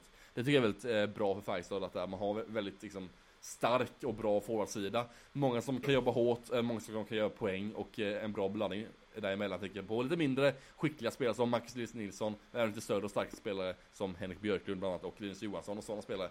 Man har fått en bra balans på forwardsidan tycker jag där i Färjestad. Något jag är lite förvånad över är att Axel Bergqvist inte har fått eh, så mycket mer speltid än vad han egentligen fått. Jag tycker han har stått sjunde back i Färjestad tycker jag. Eller har han varit. Eh, och eh, Ja, jag tycker att han borde få lite, lite mer speltid och få en lite annan roll. För han har fått som sagt en sjundebacksroll och då tycker jag han ska ha liksom en Alltså en back som, spelar kanske med Ville Pocka i ett andra backpar tycker jag han ska göra. För att få liksom utvecklas och bli bättre helt enkelt. För det är en, verkligen en bra back som kan ta stora steg och bli väldigt bra på SHL-nivå. Ja men framförallt också kanske det är en sån som Joel Nyström faktiskt har haft det lite tuffare. Han är uppe Mm. på minus fyra där i statistiken. Och, men, men det Färjestads stora problem det är ju special teams. Alltså hade Ja. matcherna avgjorts i fem mot fem hela tiden. Alltså man är bedrövliga i både boxplay och powerplay. Ja, Det är verkligen. ju Ja. Det är liksom det, det är otroligt dåligt. Alltså man har ett boxplay på 65,22 procent. Vi Mm. brukar snacka om att eh, runt, eh, ja, men runt 70 brukar vara okej. liksom, en Ja. ganska okej notering. Eh, och i powerplay där har man alltså haft en effektivitet på 12 procent. Man har alltså gjort tre powerplay-mål på 25 st- tillfällen. ja, det är ju katastrofalt dåligt. Det är underkänt av Det- Guds nåde, om man säger så. Verkligen! Där kan vi dra fram den stora motorsågen. där ja, har men, vi. ja, exakt. Där. Ja men det är ju fruktansvärt dåligt. Alltså tänk, Ja, tänk på vilket lag man har också i Färjestad där man har ju många bra skickliga spel som verkligen kliver- kliver fram i powerplay och i liksom, ja, i special teams. Det är verkligen, det är verkligen anmärkningsbart tycker jag i Färjestadslägret. Ja, det, alltså, det är Ja. otroligt. Och jag tittade lite på, det också tycker jag, om man ska nörda ner sig riktigt i statistik här, så tittar jag på hur många skott de har skjutit sammanlagt på det här. Det är 34 skott i powerplay på 25 tillfällen. Det tycker jag också är för svagt. Jag tycker det är för, Ja, för, för låg procent på, på så många tillfällen. Alltså det är, det är 50 minuter i hockey, eller i eh, 50 minuters Powerplay. numerär överläge. Mm. Ja. För, nej, 43 minuter och 40 sekunder har de spelat Ja. numerärt överläge. Ja, det är nästan Och gjort tre mål. Mm. Ja men det är två perioder i, special, i powerplay bara liksom och avbrutit ett mål. Mm. Ja, det är... Ja, ja det är för dåligt. Men om vi ska ge något lite positivt till Färjestad så tycker jag att August Thornberg kommit in på rätt eh, på rätt, kommit in på ett bra sätt i Färjestad den säsongen tycker jag. Plus tre senaste fem matcherna också och ett mål. Han är defensiv back egentligen, August Homa, men han är, jag tycker han ändå acklimatiserar sig på ett bra sätt inledningsvis i Färjestad. Jag tycker jag är förvånad, jag trodde August Homa inte skulle bli, alltså inte skulle ta först så mycket inledningsvis. Jag tänkte att han skulle vara sjunde, åttonde back, tänkte jag att han skulle- att han skulle vara i Färjestad. Men han har ändå gått in och gjort det bra i Färjestad tycker jag. Och väldigt förvånad, positivt överraskad av August Thornbergs intåg i Färjestad. Här inledningsvis. Men jag håller med. Alltså, jag har ju sett honom mycket i Västerås och, och i Hockeyallsvenskan tidigare och jag tycker att det är en spelare som har, har tagit kliv för kliv, steg för steg eh, under säsongerna här de senaste åren. Och jag tycker nu verkligen blommar han ut och jag tycker han har fått en perfekt roll också i Färjestad. Så att jag tycker att det är en spelare som verkligen har höga aktier just nu. Ja, och nu måste vi gå vidare till nästa lag som är Växjö Lakers. Två vinster, en förlust denna veckan. Man torskade i tisdags mot Frölunda borta. Sen vann man mot Brynäs hemma i torsdags med 4-1 och sen vann man då uddamålsseger borta mot Luleå i lördags då. Och Lukas Bengtsson med två uddamål denna veckan. Eh, fruktansvärt bra tillsammans med Joel Persson där är också riktigt bra som också gjorde mål i lördags. Eh, och Koivisto fick även göra mål också. Eh, så det är backarna som gör mål och visar vägen för eh, Växjö Lakers. Ja, och jag måste säga Lukas Bengtsson, förutom Jonathan Pudas, är inte det alltså SHLs bästa det måste vara SHLs två bästa backar. ja, Anton Lindholm och, upp och konkurrerar rejält där. Men ja. det, jag håller med, det är de tre som gör det. Ja, det är, alltså, vilket spelsinne, vilket skott! Ja. Alltså det är otroligt. Han, han, liksom, kan vi inte värma honom till skidskyttelandslaget för han siktar så jäkla bra liksom. Han är så lugn också i spel och sitt agerande. Han åker runt och liksom har kontroll över allt tycker jag. Det är otroligt. Mm. kontroll på alla situationer tycker jag och på, löser allt på ett väldigt snyggt sätt. Otroligt imponerad av hans lugn framförallt. Mm. Eh, Lukas Bengtsson här. Och jag tyckte han var lite trögstartad kanske de två första, eh, mm. första omgångarna. Såg lite sådär. Men nu tycker jag han har växlat upp totalt och han visar ju verkligen att han är den klassback som han är värvad till från Växjö. Liksom. Så att eh, där har ju Växjö gjort ett eh, fullständigt... Jag vet inte, nu har han säkert väldigt mycket i, i lön men det är ju alltså ett kap ja. oavsett för det är en sån spetsback som är svår att få, ens få in liksom. Exakt. Eh, och vad tycker du om eh, deras målsidor? Adam Åhman och Emil Larmi. Adam Åhman fick göra debut i veckan. Eh, ja, vad tror du de kan steppa upp deras målsida eller vad tänker du kring den? Nej men de har ju verkligen levererat fina siffror också. Jag har ju varit lite tveksam till Larmi som jag tycker mm. har släppt in lite billiga puckar. Men tittar man på räddningsprocenten. Båda ligger på 92, eller 92,25 i, ja. i sina räddningsprocent. Och eh, jag tycker att Växjö-försvaret har varit bra. Jag tycker att det är liksom... Eh, jag tycker man har hittat ett fungerande sätt och gör, gör väldigt bra för sina målvakter. Eh, så Larmi tycker jag ändå är en positiv överraskning och även Åman är med och utmanar och det känns verkligen där som att man har en perfekt balans. En ung, eh, hungrig målvakt som är med och utmanar och en lite mer etablerad keeper. Eh, så jag var ju lite tveksam här men jag måste nog eh, kovända lite här nu faktiskt och säga att eh, imponerad av Växjös eh, målvaktsspel. Ja, jag håller helt med faktiskt. De har släppt upp mycket. Lite för enkla mål ibland som sagt men släppt in liksom Ja, en hållit som sagt bra siffror och en hållit ner resultaten och gjort det bra tycker jag någon. Eh, men framförallt ett försvarsspel, Växjö Läcker ser sig ut eh, och är väldigt bra och det hjälper ju otroligt mycket också men Ja, Ladimir och Åman har ändå blivit bättre under här säsongens gång än så länge. Otroligt imponerande och otroligt bra för dem. Men nu går vi vidare till nästa lag som är, ja, laget som imponerar mest kanske sett till förväntningar på dem. Malmö Redhawks. Två vinster på två matcher den här veckan. Man vann Skånederbyt eh, mot Rögle borta. Eh, och sen, ja, så krossade man Brynäs med 8-4. I en väldigt ja, målrik match. Hade någon sagt till mig att Malmö Redhawks skulle göra åtta mål i en och samma match, då hade jag bara... Ja. Då hade jag liksom... Nej men vakna ur drömmen liksom. Hade jag nästan sagt. Det, det, är, alltså det är så... Det, det är otroligt osannolikt nästan till hade jag tänkt på förhand. Men alltså de har hittat någonting. Jag var inne på det tidigare. De har hittat lite det här vi mot världen-känslan. Att vi, eh, vi är ingen slagpåse. Vi är uträknade de flesta. Vi kan bara spela så bra som möjligt. Och det gör de jäkligt bra just nu måste jag säga. Mm. Väldigt tunga att möta också. Eh, otroligt bra i dueller och i närkamper. Och vi tidigare också att de har hittat nu ett tydligt grundspel. Och mycket mer tydligheter i sina roller i Malmö och verkligen fått, eh, det, fått ett bra snurr än så länge. Inledningsvis i SHL. Eh, Carl Söderberg gjorde två mål där i Brynäs-matchen. Eh, och eh, Hennemark fick även mål den veckan. Otroligt viktigt för honom. och ja, Karl Persson levererar fortfarande. Kristoffer Forsberg som fjärde center där. Otroligt bra faktiskt. Ja, Förvånansvärt bra. Ja, exakt. Tre mål redan. Tre mål på ja, fem matcher. Exakt. Och Von Barnikov gjorde även mål där. Också viktigt för den unga spelaren att komma igång också. Ja, han har kommit igång bra också, hans andra mål mm. på SHL-sammanhang. Jag tycker även att backsidan med Joakim Ryan tycker jag ändå ser bra ut. eh, Adam Olas Mattsson. Men så här, tunga, tuffa att, Ja, att verkligen. möta. Och de spelar någon form av liksom kollarhockey som är rolig att kolla på faktiskt om vi ska Ja. säga så. Alltså det, det är även Mattias Lassen på underskattad back som ändå... Nej, jag tycker att det finns någonting som man har hittat i Malmö. Och kan man bygga vidare på det här? Det, det är lite som Malmö var under Peter Andersson får jag nästan lite vibbar på Mm. liksom. Inte det mest spetsiga, inte det mest stjärnfyllda. Men fan med vad de kör alltså. Ja, bra kollektiv och kämpa tillsammans verkligen. Eh, Ja, imponerande tycker jag verkligen av Malmö så länge. Eh, så vi får se vad som händer med Malmö där. Man har också en av seriens bästa målvakter. Eh, Ja. 70% i Daniel Marmelin. Lite tveksam inledning, kanske lite för enkla puckar ibland. Men han har verkligen liksom, ja, skidnitt. Ja, alltså 93,3. Alltså det är helt Ja. otroligt. Adam Werner har ju bara stått en match och släppt in fyra mål då. Eh, det, det var ju mot HV71 va? Eh, och, nej det var nu. Var det, Det var, det nu var, han, ja eh, mot Brynäs var det. Ja det? exakt som Werner fick chansen. Och, Ja. och Werner var jag, jag var helt säker på att Adam Werner skulle vara första Ja. keeper. Men alltså Marmelin, vilka kliv! Vilken, jag tycker han varit, var bra även i fjol. Men, men eh, Ja, på ja. något sätt har han ju, har han ju eh, vässat upp ännu mer.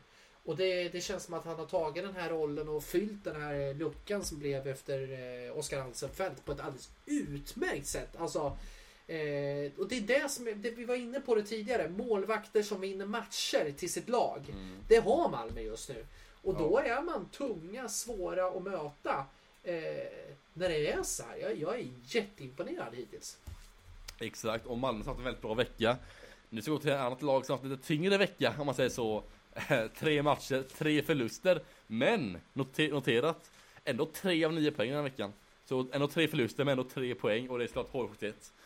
Och de väntar på Som- första tre poängen va? Ja, exakt. Det är, det är, som Oskarshamn, de också väntar på första tre poängen där. Eh, Men de vinner sina förlängningar Oskarshamn och det gör ju inte H71. Och det är skillnaden på de två lagen. HV då som ligger i botten av tabellen. Eh, Tre förluster sagt, alla tre till förlängning. Eh, Väldigt, eller väldigt eh, imponerande då att man lyckas förlora tre av tre förlängningar den här veckan.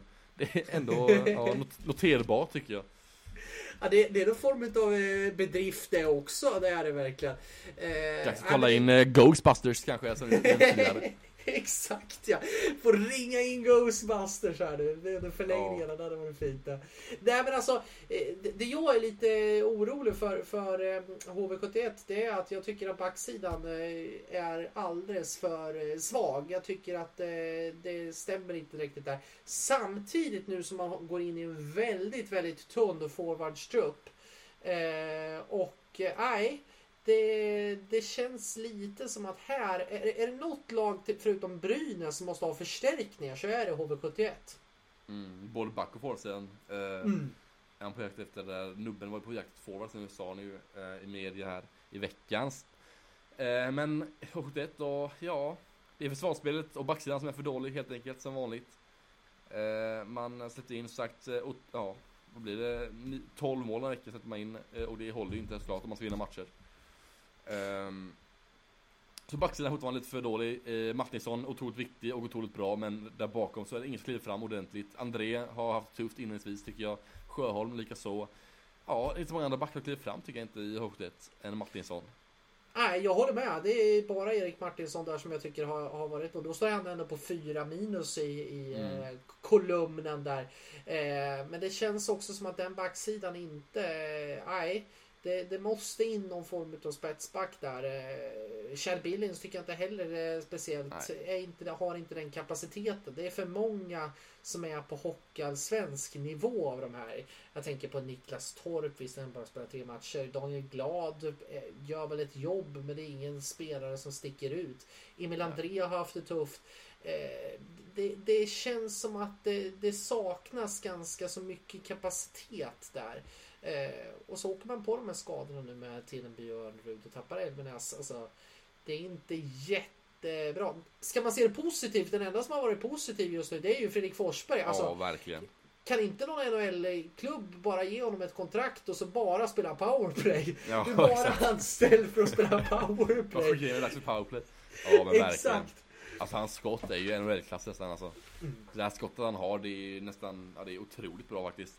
Alltså det går ett sus i HV-publiken när, alltså, när passningen kommer till eh, Forsberg i powerplay. Han så bara lyfter klubban och ska slå till. Det ska gå ett sus i publiken och alla vet vad som kommer hända liksom. Och det är ja, otroligt imponerande av Fredrik Forsbergs. Exakt. Men, men det jag också känner, är det inte dags kanske att byta målvakt i, eh, i eh, HV71? Gunnarsson har stått en match, Ortio fem matcher. Båda har ganska så svajig räddningsprocent. Ja, jag tror att Ortio kan behöva lite avlastning också. Jag, han, har haft mycket, han har haft mycket att göra Ortio helt enkelt. Man släppt till väldigt mycket lägen och haft väldigt oorganiserat och dåligt och slarvigt försvarsspel. Mm. För mycket pucktapp i egen zon, för lite nonchalant i passningsspelet ibland där och väldigt tufft för målvakten då att, eh, ja, man får mycket skott emot sig, får mycket liksom, långa anfall emot sig, det blir väldigt tufft att hålla uppe, eh, hålla nere siffrorna och jag hålla uppe räddningsprocenten. Mm. Jag tror nästan det. Ja, men nu är det dags att lämna 71 och gå vidare till nästa Smålandsgäng som är IK Oskarshamn. Eh, som eh, mötte då Frölunda och vann i torsdags och sen alltså vann man mot H71 eh, efter förlängning då. Båda matcherna efter förlängning. Eh, fortfarande ingen trepoängare för Oskarshamn som sagt. Utan det är bara förlängningsvinster eller torskar som har gällt inledningsvis för Oskarshamn då. Den veckan var det två vinster efter förlängning, eh, två 5-4 vinster på matcherna. Det är lite, ja. Jag hörde Staffan Kronwall i, eller i studion sa ju det inför eh, HV-matchen var så här, matchen kan sluta 5-4 efter förlängning. Och det gjorde den också. 5-4 förlängning till H- Oskarshamn nu. Så det är, ja, det är 5-4 resultat som Oskarshamn glider vidare på. Och Det är rock'n'roll får man verkligen säga på målvakts... Det på kan mål- man. på målpositionerna. Det, det kan vi verkligen säga. Men det, det jag tycker också, jag tycker kanske att Oskarshamn förtjänar lite fler poäng. För jag tycker spelmässigt har det faktiskt sett väldigt bra ut. Alltså Suomela, vilken spelare. Alltså, vi, vi har varit inne på honom tidigare, men alltså vilken spets. Jag trodde han skulle få det tufft i SHL och anpassa sig. Wow, säger jag alltså bara. Mm. Ja, verkligen. Alltså, jag tycker hela den här kedjan med Karlqvist, Suomela och eh, och sen har varit väldigt bra, alltså de, när de väl kommer in på isen då märker man det och de trycker ner motståndarna tycker jag på ett bra sätt och verkar skapa långa anfall. Blaine Byron gjorde stor succé här mot Frölunda. Eh, Ja, eller ja, mot, ja, mot Frölunda. ja. Mm. Eh, Två mål i alltså, debuten och eh, ja, men han var otroligt bra i mot Frölunda. Lite, lite svagare mot H71 men fortfarande väldigt bra spelare och eh, jag såg i träningen idag gjorde jag också och Blaine Byron är den som klev av sista träningen och verkligen nöt verkligen skott på träningen, alltså ordentligt med skott. Han var så och nöt skott i kanske 20, 15-20 minuter, så här helt själv, mot, liksom bara mot målet, mot ett tomt mål. Så han verkligen, han vet också att så här, han vill helt enkelt utvecklas också, ta nästa steg eh, och han vill bli ännu bättre. Ja, och det, det känns liksom som att men Oskarshamn, de måste bara få ihop helheten nu liksom. Att kunna ta de här tre poängerna för då kommer de kunna lyfta ännu mycket. Men jag ska, jag ska ju inte speciellt osäker kring det liksom. Jag, jag tycker att det finns mer att ta av det här laget. Eh, Mm. Så att jag, jag är imponerad av deras inledning. Sen är det klart att man måste börja ta tre poängare. Eh, det måste man börja göra in, inom en snar framtid. Men jag tycker ändå att det har sett utifrån de lagen som inte har tagit tre poängare och det, det är ju de och HV71 då, så tycker jag att Oskarshamn ligger före faktiskt. Ja exakt. Eh, det ska bli kul, eller kul, det ska bli Nu har man ju Jusso Rikula, backen borta där, var inte på is idag på träningen och kommer missa matchen mot Frölunda och troligtvis, eller mot matchen mot Linköping imorgon och troligtvis en match till utöver det. Anton Eriksson fortsatt skadad och kommer tillbaka inom ett par veckor. Eh, men ja, och Sam klarar sig bra ändå utan dem tycker jag. Man har ju Burström i powerplay nu eh, på Riklas plats där som sagt. Men ja. Och sen, eh, vad tycker du om deras vecka i övrigt då? Som sagt, vi var inne på eh, offensiven där som är väldigt bra. Vad tycker du om defensiven och målvaktsspelet den här veckan? Tycker ändå att det ser väldigt bra ut både från eh, Joe Canetta och, eh, och Tim Jubel. Där har man kanske två målvakter som också är på ungefär samma nivå. Eh, Mm, ja, vilket jag tror är, väldigt, väldigt bra också. Man får en konkurrenssituation, man, ja, men man, man kan spela den som är mest het för dagen. Och, och jag tycker inte att heller att, det jag tycker Oskarshamn också gör det ganska så bra, det är att man inte släpper till speciellt mycket chanser. Eller? Så jag tycker att man har även satt försvarsspelet ganska så bra. Så att eh, eh, Rikola är ju ett tungt tapp. Alltså. Det är Mm. ju, han har ju varit fantastisk i, i där liksom. Men, men det är ju offensiven som driver och det är ju roligt att titta på Oskarshamn. Ja, verkligen. Det svänger mycket i Oskarshamn där. Men det var allt för Oskarshamn och nu vidare till nästa och sista laget att ta upp här då och det är eh, Frölunda. En vinst, två förluster den veckan. Eh, man eh, förlorade mot Oskarshamn. Eh, man vann mot, Växjö, eh, mot, vann mot Växjö i början av veckan och även torska hemma mot Leksand i lördags. Eh, vad tycker du om eh, Frölundas vecka? Ja, men lite som jag varit inne på tidigare, lite ojämna. eh, Fortsatt tycker jag från Frölundas sida. Det är väldigt mycket upp och det är väldigt, väldigt mycket ner ibland också. Och även i- matcher kan jag tycka att de, de försvinner ur matchbilden under, under eh, vissa Mm. stunder. Och sen måste vi gå in på det absolut mest urusla som någonsin jag tror Frölunda har haft i en notering. Ja, någonsin. Jajamän! Ja. För det är alltså, de ligger just nu på, det, jag tror nästan att jag drömmer när jag ser de här siffrorna. 4,35% i powerplay. Man har alltså gjort ett mål på 23 powerplay. Man har gjort ett mål på 44 minuter i powerplay. Och då har man en Ryan Nash. Vad är det som händer? Har han spelat powerplay frågan? Jag har knappt sett han i powerplay tror jag inte. eh, Nej, jag tror inte på heller just det. Har du, det har du rätt i. Och det är ju också märkligt varför man inte spelar Ryan Nash i powerplay i så fall. Det är alltså... Nej jag skojar bara, han är ju på isen som sagt men man ser Ja. han inte knappt, alltså han gör ju alltså, jag vet inte vad som händer med Ryan Lash, jag tycker han Det tar så otroligt lång tid för honom att bestämma sig i år. Jag tycker det är som att de med Ryan Lash egentligen- han har egentligen haft en, liksom en tanke med sitt spel, men i år så Det går väldigt långsamt när han ska agera liksom, vad han ska göra för något. Jag vet inte om det är han som inte levererar eller om det är hans kanske forwardskamrat på andra sidan som inte riktigt eh, åker i den ytan han vill eller tar liksom det initiativet som han vill också. Jag vet inte om de har haft lite interna problem däremellan. Men eh, otroligt, otroligt, otroligt bedrövligt powerplay har Frölunda haft. Alltså det är inte Ja. ens farligt när Frölunda har powerplay. Alltså det är inte ens en suck när man tar, får en utvisning liksom, mot Frölunda. Som man vet att ja, detta powerplay kommer att inte bli lyckat.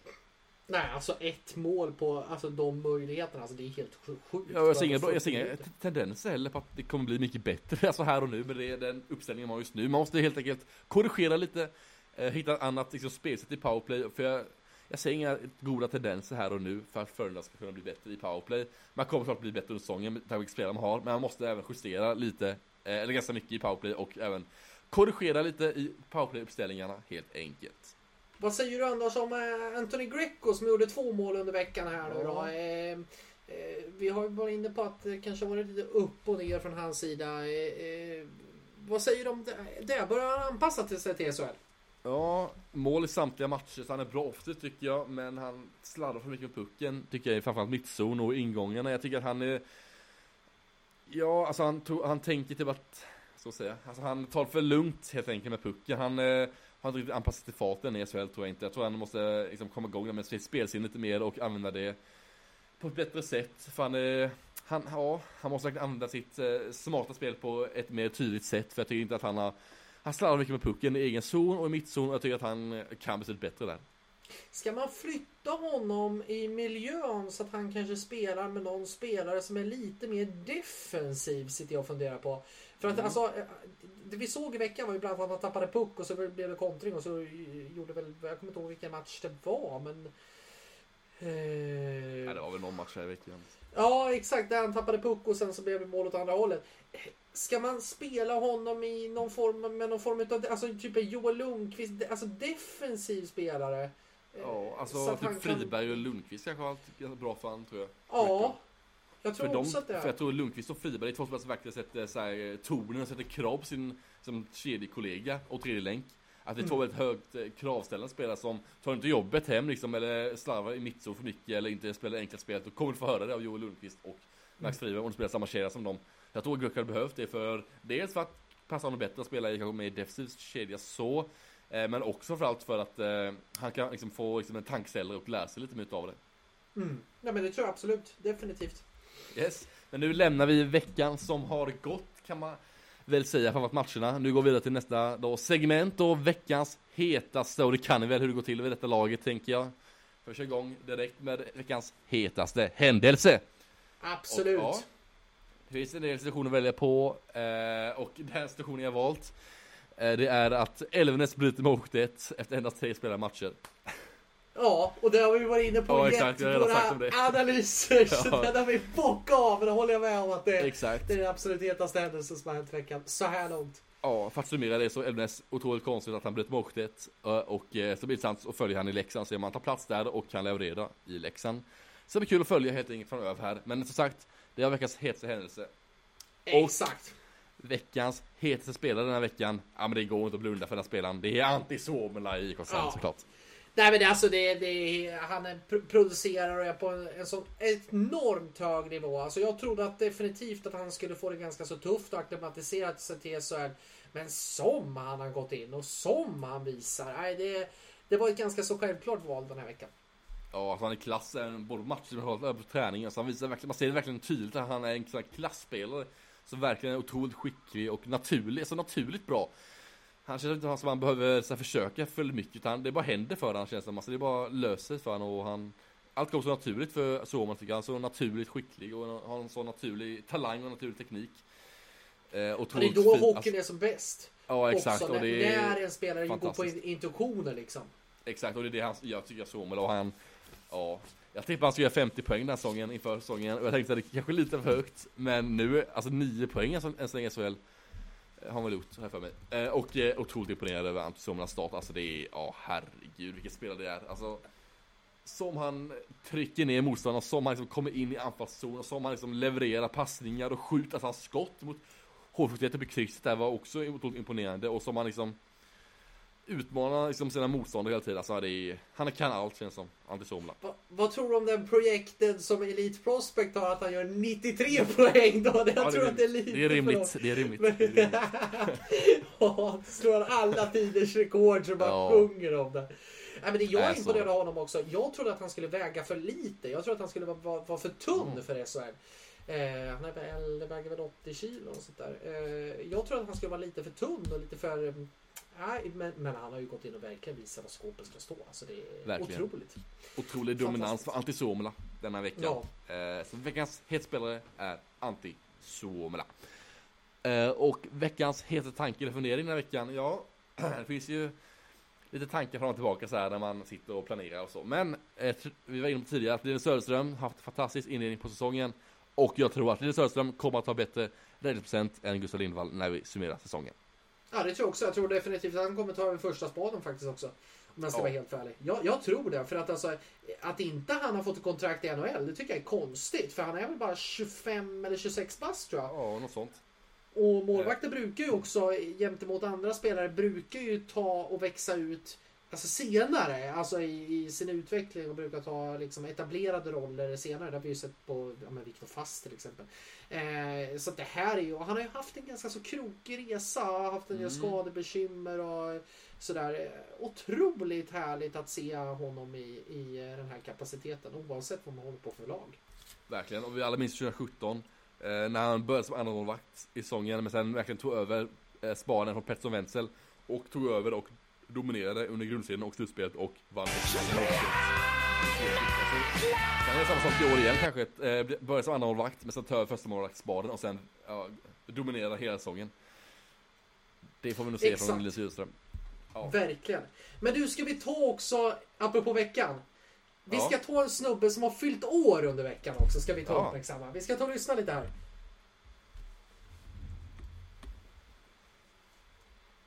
Vem kan du gissa på att det där var? Ja, kan ha den eh, fine Niklas Wikgård kanske? Exakt! Och vi får Ja. skicka grattis här. Han fyllde ju eh, 59 i veckan. Ja, härligt. Eh, En fantastisk expert och en rolig eh, person att ha i Simon-studion. Han verkligen eh, förgör tillvaron i SHL under sändningarna. Så grattis Niklas Wikgård eh, till eh, dina 59 jordsnurr än så länge. Absolut. Jajamän, och nu då lite... På tal om eh, lite låtval och sånt så hände det ju en ganska kontroversiell händelse i Färjestads omklädningsrum i veckan. Det var ju ett hemskt låtval av Färjestad där. Man valde ju att spela en låt av 50 Cent. Som handlade om, eh, ja, lite saker som inte eh, stod för jämställdhet och lite annat sånt. Det var P.I.M.P. av 50 Cent hette låten.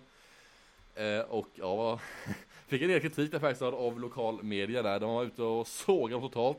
Och kaptenen Linus- Johansson fick gå ut och be om ursäkt över låtvalet. Men herregud, det är väl lite töntigt eller vad säger du Andreas? Ja, alltså vad är det för nivå vi har på Ja. vissa? Alltså, eh, alltså jag undrar så här, får man inte fira i Värmland? Alltså i- av det de här det var problem med Färjestad. var Först, först har de öl på SM, eh, SM-final eh, guldfesten. Eller på när de På scenen där. Ja. och nu får de liksom kritik för en låt som liksom är, alltså, och det, det mest roliga tycker jag är att många av de här radiokanalerna har faktiskt spelat den här låten. Så spelar Ja, de ja, kritiserar, det är ju dubbelmoralens Ja. moder liksom. Alltså, och det, vi ska ju säga att det, det, är inte P4 som har kritiserat utan det är en, en eh, regionstrateg, en jämställdhetsstrateg på Ja. eh, eh, eh, Värmlands region då. Eh, Men, men, men alltså kom igen, vad är det frågan om? Det här Alltså, är det liksom är- en låt som ligger högt upp på många topplistor. Liksom, kan man inte liksom bygga upp man vill i många omklädningsrum. Jag tror ingen tänker på liksom, vad texten är för något i låten. Jag tror, eh, ja, alltså, som hon sa där i radion. Alltså, hon har säkert dansat den här låten på klubben och flera gånger. Och liksom, många har väl gjort det liksom, utan att tänka på det. Men att man nu så tar upp det, det är bara löjligt. Och en parodi Ja. av allting tycker jag. Och, när man väl ska ta, ta ett tag med de riktiga problemen, eller så här, riktiga sakerna sen, så kommer det bara liksom förminskas eftersom att detta, eh, sådana saker tas upp, eftersom det blir så mycket eh, ironi och eh, parodi på detta när man tar upp sådana här små, små problem. Och snacka om att försöka göra ett problem, eller gö- göra, någon, göra någonting till ett problem som inte är ett problem. Ja, verkligen, alltså det är... ja, det är skit. Det är Eh, pajigt så det bara sjunger om det. Exakt, och innan vi går in på veckans segment för denna veckan så ska vi snacka om, ja tyvärr, så ska vi snacka om filmningar.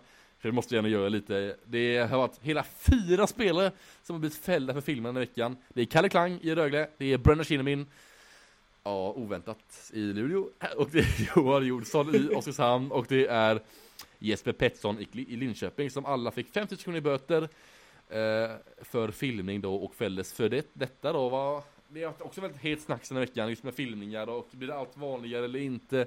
Andreas, vad har du för tankar kring just detta med filmningar och så vidare? Ja, jag vet inte vad jag ska säga riktigt. Jag, man, man liksom börjar bli väldigt trött på att det här står högst upp på dagordningen efter Ja, SHL. Alltså det, det börjar bli nästan eh, alltså, olidligt. Alltså jag, jag blir förbannad. Och framförallt på Kinnamin tycker jag faktiskt att vi försvarade honom förra gången för, för det som inte var en filmning. Ja, Men snacka om att, att, att dra grejer och göra grejer. Han, han gjorde ju också, drog ju på sig två dubbla utvisningar tror jag förra helgen och eh, som blev eh, insläppta mål då. då. Eh, det känns som en spelare som just nu har fokus på fullkomligt fel saker. Ja, verkligen. Och det är en topp, alltså det är en topp liksom, lönspelare i Luleå som ska vara med och avgöra matcher men alltså just nu så är han bara med och liksom i, han bara uppe i, liksom, i filmningar och sånt just nu och verkligen eh, lägger eh, fokus på fel saker som säger och eh, ja, han intervjuade ganska roligt efteråt, hans intervju där, han sa att han inte hade några kommentarer kring det och att han inte tycker att ta filmningar och sånt. Eh, lite, ja det är en spelare som är väldigt, sticker ut väldigt mycket, tycker jag, Ja. i Luleå. Ja, men alltså man, man måste man måste bara ta tag i, i det här liksom att, att jag vet inte hur man ska jag, jag tycker att man ska lösa den här problematiken för att när, när det blir så här många spelare och det, det jag blir också förbannad eller blir trött på också det är att varenda liten bildsekvens Ja, just nu exakt. fokuseras på sociala medier. Varenda, så fort det är någonting, alltså ibland kan det även vara en spelare som ramlar Ja så ska det fokuseras på just det. Vi har slutat fokusera på snygga mål. Vi har slutat fokusera på liksom fina passningar eller lag som gör det bra. Vi ska hela tiden fokusera på och det ska vara rättvist till punkt och pricka. Jag, jag förstår, jag tycker att det är dåligt också självklart. Jag är emot filmningar helt och hållet. Men man måste också hitta någon form av rim och reson. Att det är lite så här också sporten fungerar. Allting kommer inte vara 100% rättvist. Det finns ingenting i livet som är 100% rättvist. Och jag är bara trött. Sen måste vi också kunna, för att försöka kanske minimera det här, så skulle jag hellre vilja se också en bötesskala som är mycket mer, vi- eller inte ha böter utan ha avstängningar. Avstängning. Gör en filmning, då är du avstängd nästa match. Gör du det en gång till, men då är du avstängd tre matcher. Nå- någon form av sån skala, att du gör inte sådana saker. För 5000 i böter på en spelare som har kanske ja, någonstans mellan 100 och 300 000 kronor i månaden. Det kommer inte göra någonting. Det är en, det är en liksom Greklandsresa som blir liksom en fis i rymden för spelare med såna här kontrakt. Ja. Det är inte så. Det är inte med, med, med liksom bötesbelopp som, som vi kommer att ta, få bukt med det här. Jag tror det måste krävas avstängningar eller gå på Schweiz-nivå och ha 20-30 tusen i böter typ. Ja exakt, jag håller helt med där. Med otroligt trött på filmningar och allt sånt. Det är för mycket snack om det tycker jag, för mycket fokus på det liksom, i varje situation som säger att Det är alltid filmning så fort någon liksom ramlar, så fort någon får klubba där eller alltså, någonting sånt och det är för mycket fokus på det och jag tycker Det är väldigt tråkigt tycker jag att SHL också lägger för mycket fokus på det just nu. Det är klart man vill få bort filmning och sånt. Man kan höja straffen och så för att uh, motarbeta detta men jag tycker att man lägger liksom alldeles för mycket fokus på just olika sekvenser som kanske filmning eller är det inte filmning, ja men ja. Så ja, det är lite klurigt det där tycker jag. Men man, alla vill få bort, fi- ingen vill ha filmningar i hockey, vill ingen ha så det vill gärna få bort och gärna höja straffen där. Men Nu Exakt. lämnar vi filmningar tycker jag. Eh, och Absolut. går vidare till eh, veckans segment som också får bli det sista det här på avsnittet. För vi har hållit på här två timmar här. Vi Det är får- fantastiskt alltid. Det är alltid så mycket att snacka om. Alltså det här, Ja. det ska vi säga både för Melker och mig. Det är en höjdpunkt fullständigt för, för veckan. Att bara Exakt. summera och, och bara sticka iväg och hoppas att det är också för er, för er lyssnare. Verkligen så. Eh, men nu får vi gå igenom det lite snabbt då kanske. Men veckans segment då. Det är ingen mindre än fem spelare. Jag har valt ut, jag har valt ut fem spelare som har inletts väldigt starkt. Men som har gått lite obemärkt förbi kanske som har man inte har tänkt på att de har inletts så starkt. Eh, så jag kör igång direkt tycker jag. Intressant att höra. Mm. Verkligen. Och nummer ett, eh, detta är då inbördes ordning så jag bara kör de här i fem i sträck liksom. Vi börjar då med första eh, spelaren då som är eh, Filip Johansson, back i Frölunda, Indien, ja, Frölunda HC menar jag. Ja, passa det där! Ja, det tänkte jag inte Ja, det. Men så var det såhär Indiens, men ja, Frölunda Ja, HC. Exakt. Exakt, han gjorde, han har gjort 1 plus 3 På första matchen här i säsongen och, det, och han har varit otroligt bra tycker jag Men inte riktigt fått den berömmen han förtjänar Vad tycker du om Filip Johanssons inledning på säsongen? Ett mål, tre assist Ja, men jag håller med alltså. Vilken utveckling han har fått liksom. Snacka om att ta steg. Och det är ju någonting det där med Frölunda och just backar. Att kunna utveckla liksom. Jag tycker de är, är ruskigt bra har de fått till honom. Eh, också gått lite upp, undermärkt under, under radarn liksom. Men en spelare Ja. som verkligen tar kliv just nu. Och skulle han vara en aktie då skulle jag köpa aktier i honom. Ja, det, Jag håller helt med dig om Och verkligen. eh, nästa spelare som jag valt ut är ingen mindre än eh, Max Lindholm i Skellefteå AIK Fyra mål, två assist Ja, han har verkligen börjat kommit igång ordentligt nu och verkligen aktiviserat sig till SHL och eh, ja Kan det bli Linus Karlsson-siffror när vi summerar säsongen? Eller vad säger du Andreas om Max Lindholms inledning här? Såg lite obemärkt förbi Hans Ja, inte omöjligt. Inte omöjligt. Jag tycker att han verkligen har steppat upp och eh, efter eh, de tidigare säsongerna han gjorde i Örebro och sådär eh, så tyckte man att han var valpig. Nu tar han verkligen för sig på isen och är direkt självklar tycker jag. Ja, jag håller helt med där.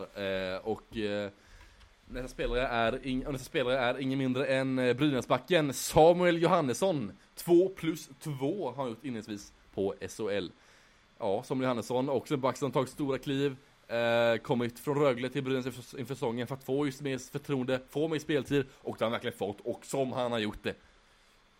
Ja, en av få glädjeämnen i Brynäs just nu verkligen. Eh, totalt eh, tillsammans med David eh, eh, kanske i offensiven då, som Mm. har producerat bäst. Men eh, fantastiskt eh, bra utvecklingskurva på honom och eh, fler borde ta rygg på honom i Brynäs. Jag håller helt med där faktiskt. Så Samuel Johannesson är också spelare som har gått väldigt obemärkt förbi tycker jag inledningsvis och gjort det väldigt bra. Ja, nästa spelare är också spelare som kanske är den som har gått mest obemärkt förbi ska jag väl säga. Eh, Den spelare jag är mest chockad över när jag kollar igenom spelarna i SHL. Och det är Jack Connolly i Luleå. 2 plus 5! Ja, den är, den är otippad. Han har gått fullständigt under radarn. Vad har det är också hänt med spelare Jack Connolly? Ja, men det är också en spelare som jag tycker har gått under radarn också de senaste åren. Ja. Man pratar väldigt lite om Jack Connolly och hur, hur nyttig han faktiskt är. Sen har han ju fått en poänguppsida nu också. Eh, nej, rejält uppsving på honom. Alltså Jack Connolly påminner väldigt mycket om Taylor Matson när han var i Rögle. Alltså Taylor Matson, väldigt lika spelare. Man tänker på att de finns, men när de väl lämnar sen då blir det ändå ett ganska stort hål där i, i, i de längre, lägre kedjorna. Absolut. laget. Mm. Och det, var väldigt, det är väldigt, väldigt få gånger man tänker att Jack Connolly har varit dålig. Alltså man Ja. går från en match in och har det intrycket. Det har väl typ aldrig hänt. Så att, nej, en underskattad spelare som verkligen har gått i, i under radarn. Enormt bra spaning. Ja. Där har vi Jack Connolly också spelare då som har gått obemärkt förbi och inlett väldigt starkt på säsongen då. Dags att spela nummer fem, den sista, sista spelaren i denna, i detta segmentet och det är ingen mindre än Malmöcentern då, Kristoffer Forsberg. 3 plus 1, 4 poäng på 5 matcher. Eh, för fjärde center då som han på förhand är eh, otroligt imponerande av Kristoffer Forsbergs eh, inledning av säsongen. Ja men han är ju ett ånglok. Han är ett ånglok just nu som driver det här Malmö. Alltså med, med, med det. Alltså det, det. Malmö har ett antal ånglok men han är definitivt en av dem. Och, och, och också fått en offensiv uppsida nu också. Så det, det, är roligt att se att han har fått den här starten och kanske kan ta ytterligare kliv också. Så att eh, det är ju en spelare som man tänker som en produktiv spelare. Men, men när de här spelarna också gör jobbet. Ja men då kan Malmö lyfta. Ja, exakt, Malmö, Malmö får ett mer, liksom mer helhet, men en spelare som Karl Persson, Kristoffer Forsberg, sådana spelare som verkligen börjar leverera nu. Eh, Yvonne Barnkov också börjar komma igång. Eh, sådana spelare börjar nu komma igång lite i Malmö och det är kul att man får liksom breda ut sin poängproduktion på fler spelare och verkligen utnyttja samtliga kedjor. Både offensivt och defensivt. Så ja, men väldigt imponerad också av Forsberg och hans start. En inledning av säsongen som gått väldigt obemärkt förbi också. Eh, han inlett väldigt starkt men det gått väldigt obemärkt förbi då helt enkelt. Fyra poäng, fem matcher, det är ju, ja det är ju spetsnivå nästan. Eller spetsnivåsiffror i SHL. Absolut. Eh, ruggigt imponerad av hans eh, utveckling just nu. Jajamän, men det var väl detta segmentet för denna veckan och nästa vecka är det dags för ett nytt segment. Så det får ni gärna se fram emot det. Men ja, Andreas. Nästan två timmar denna veckan också.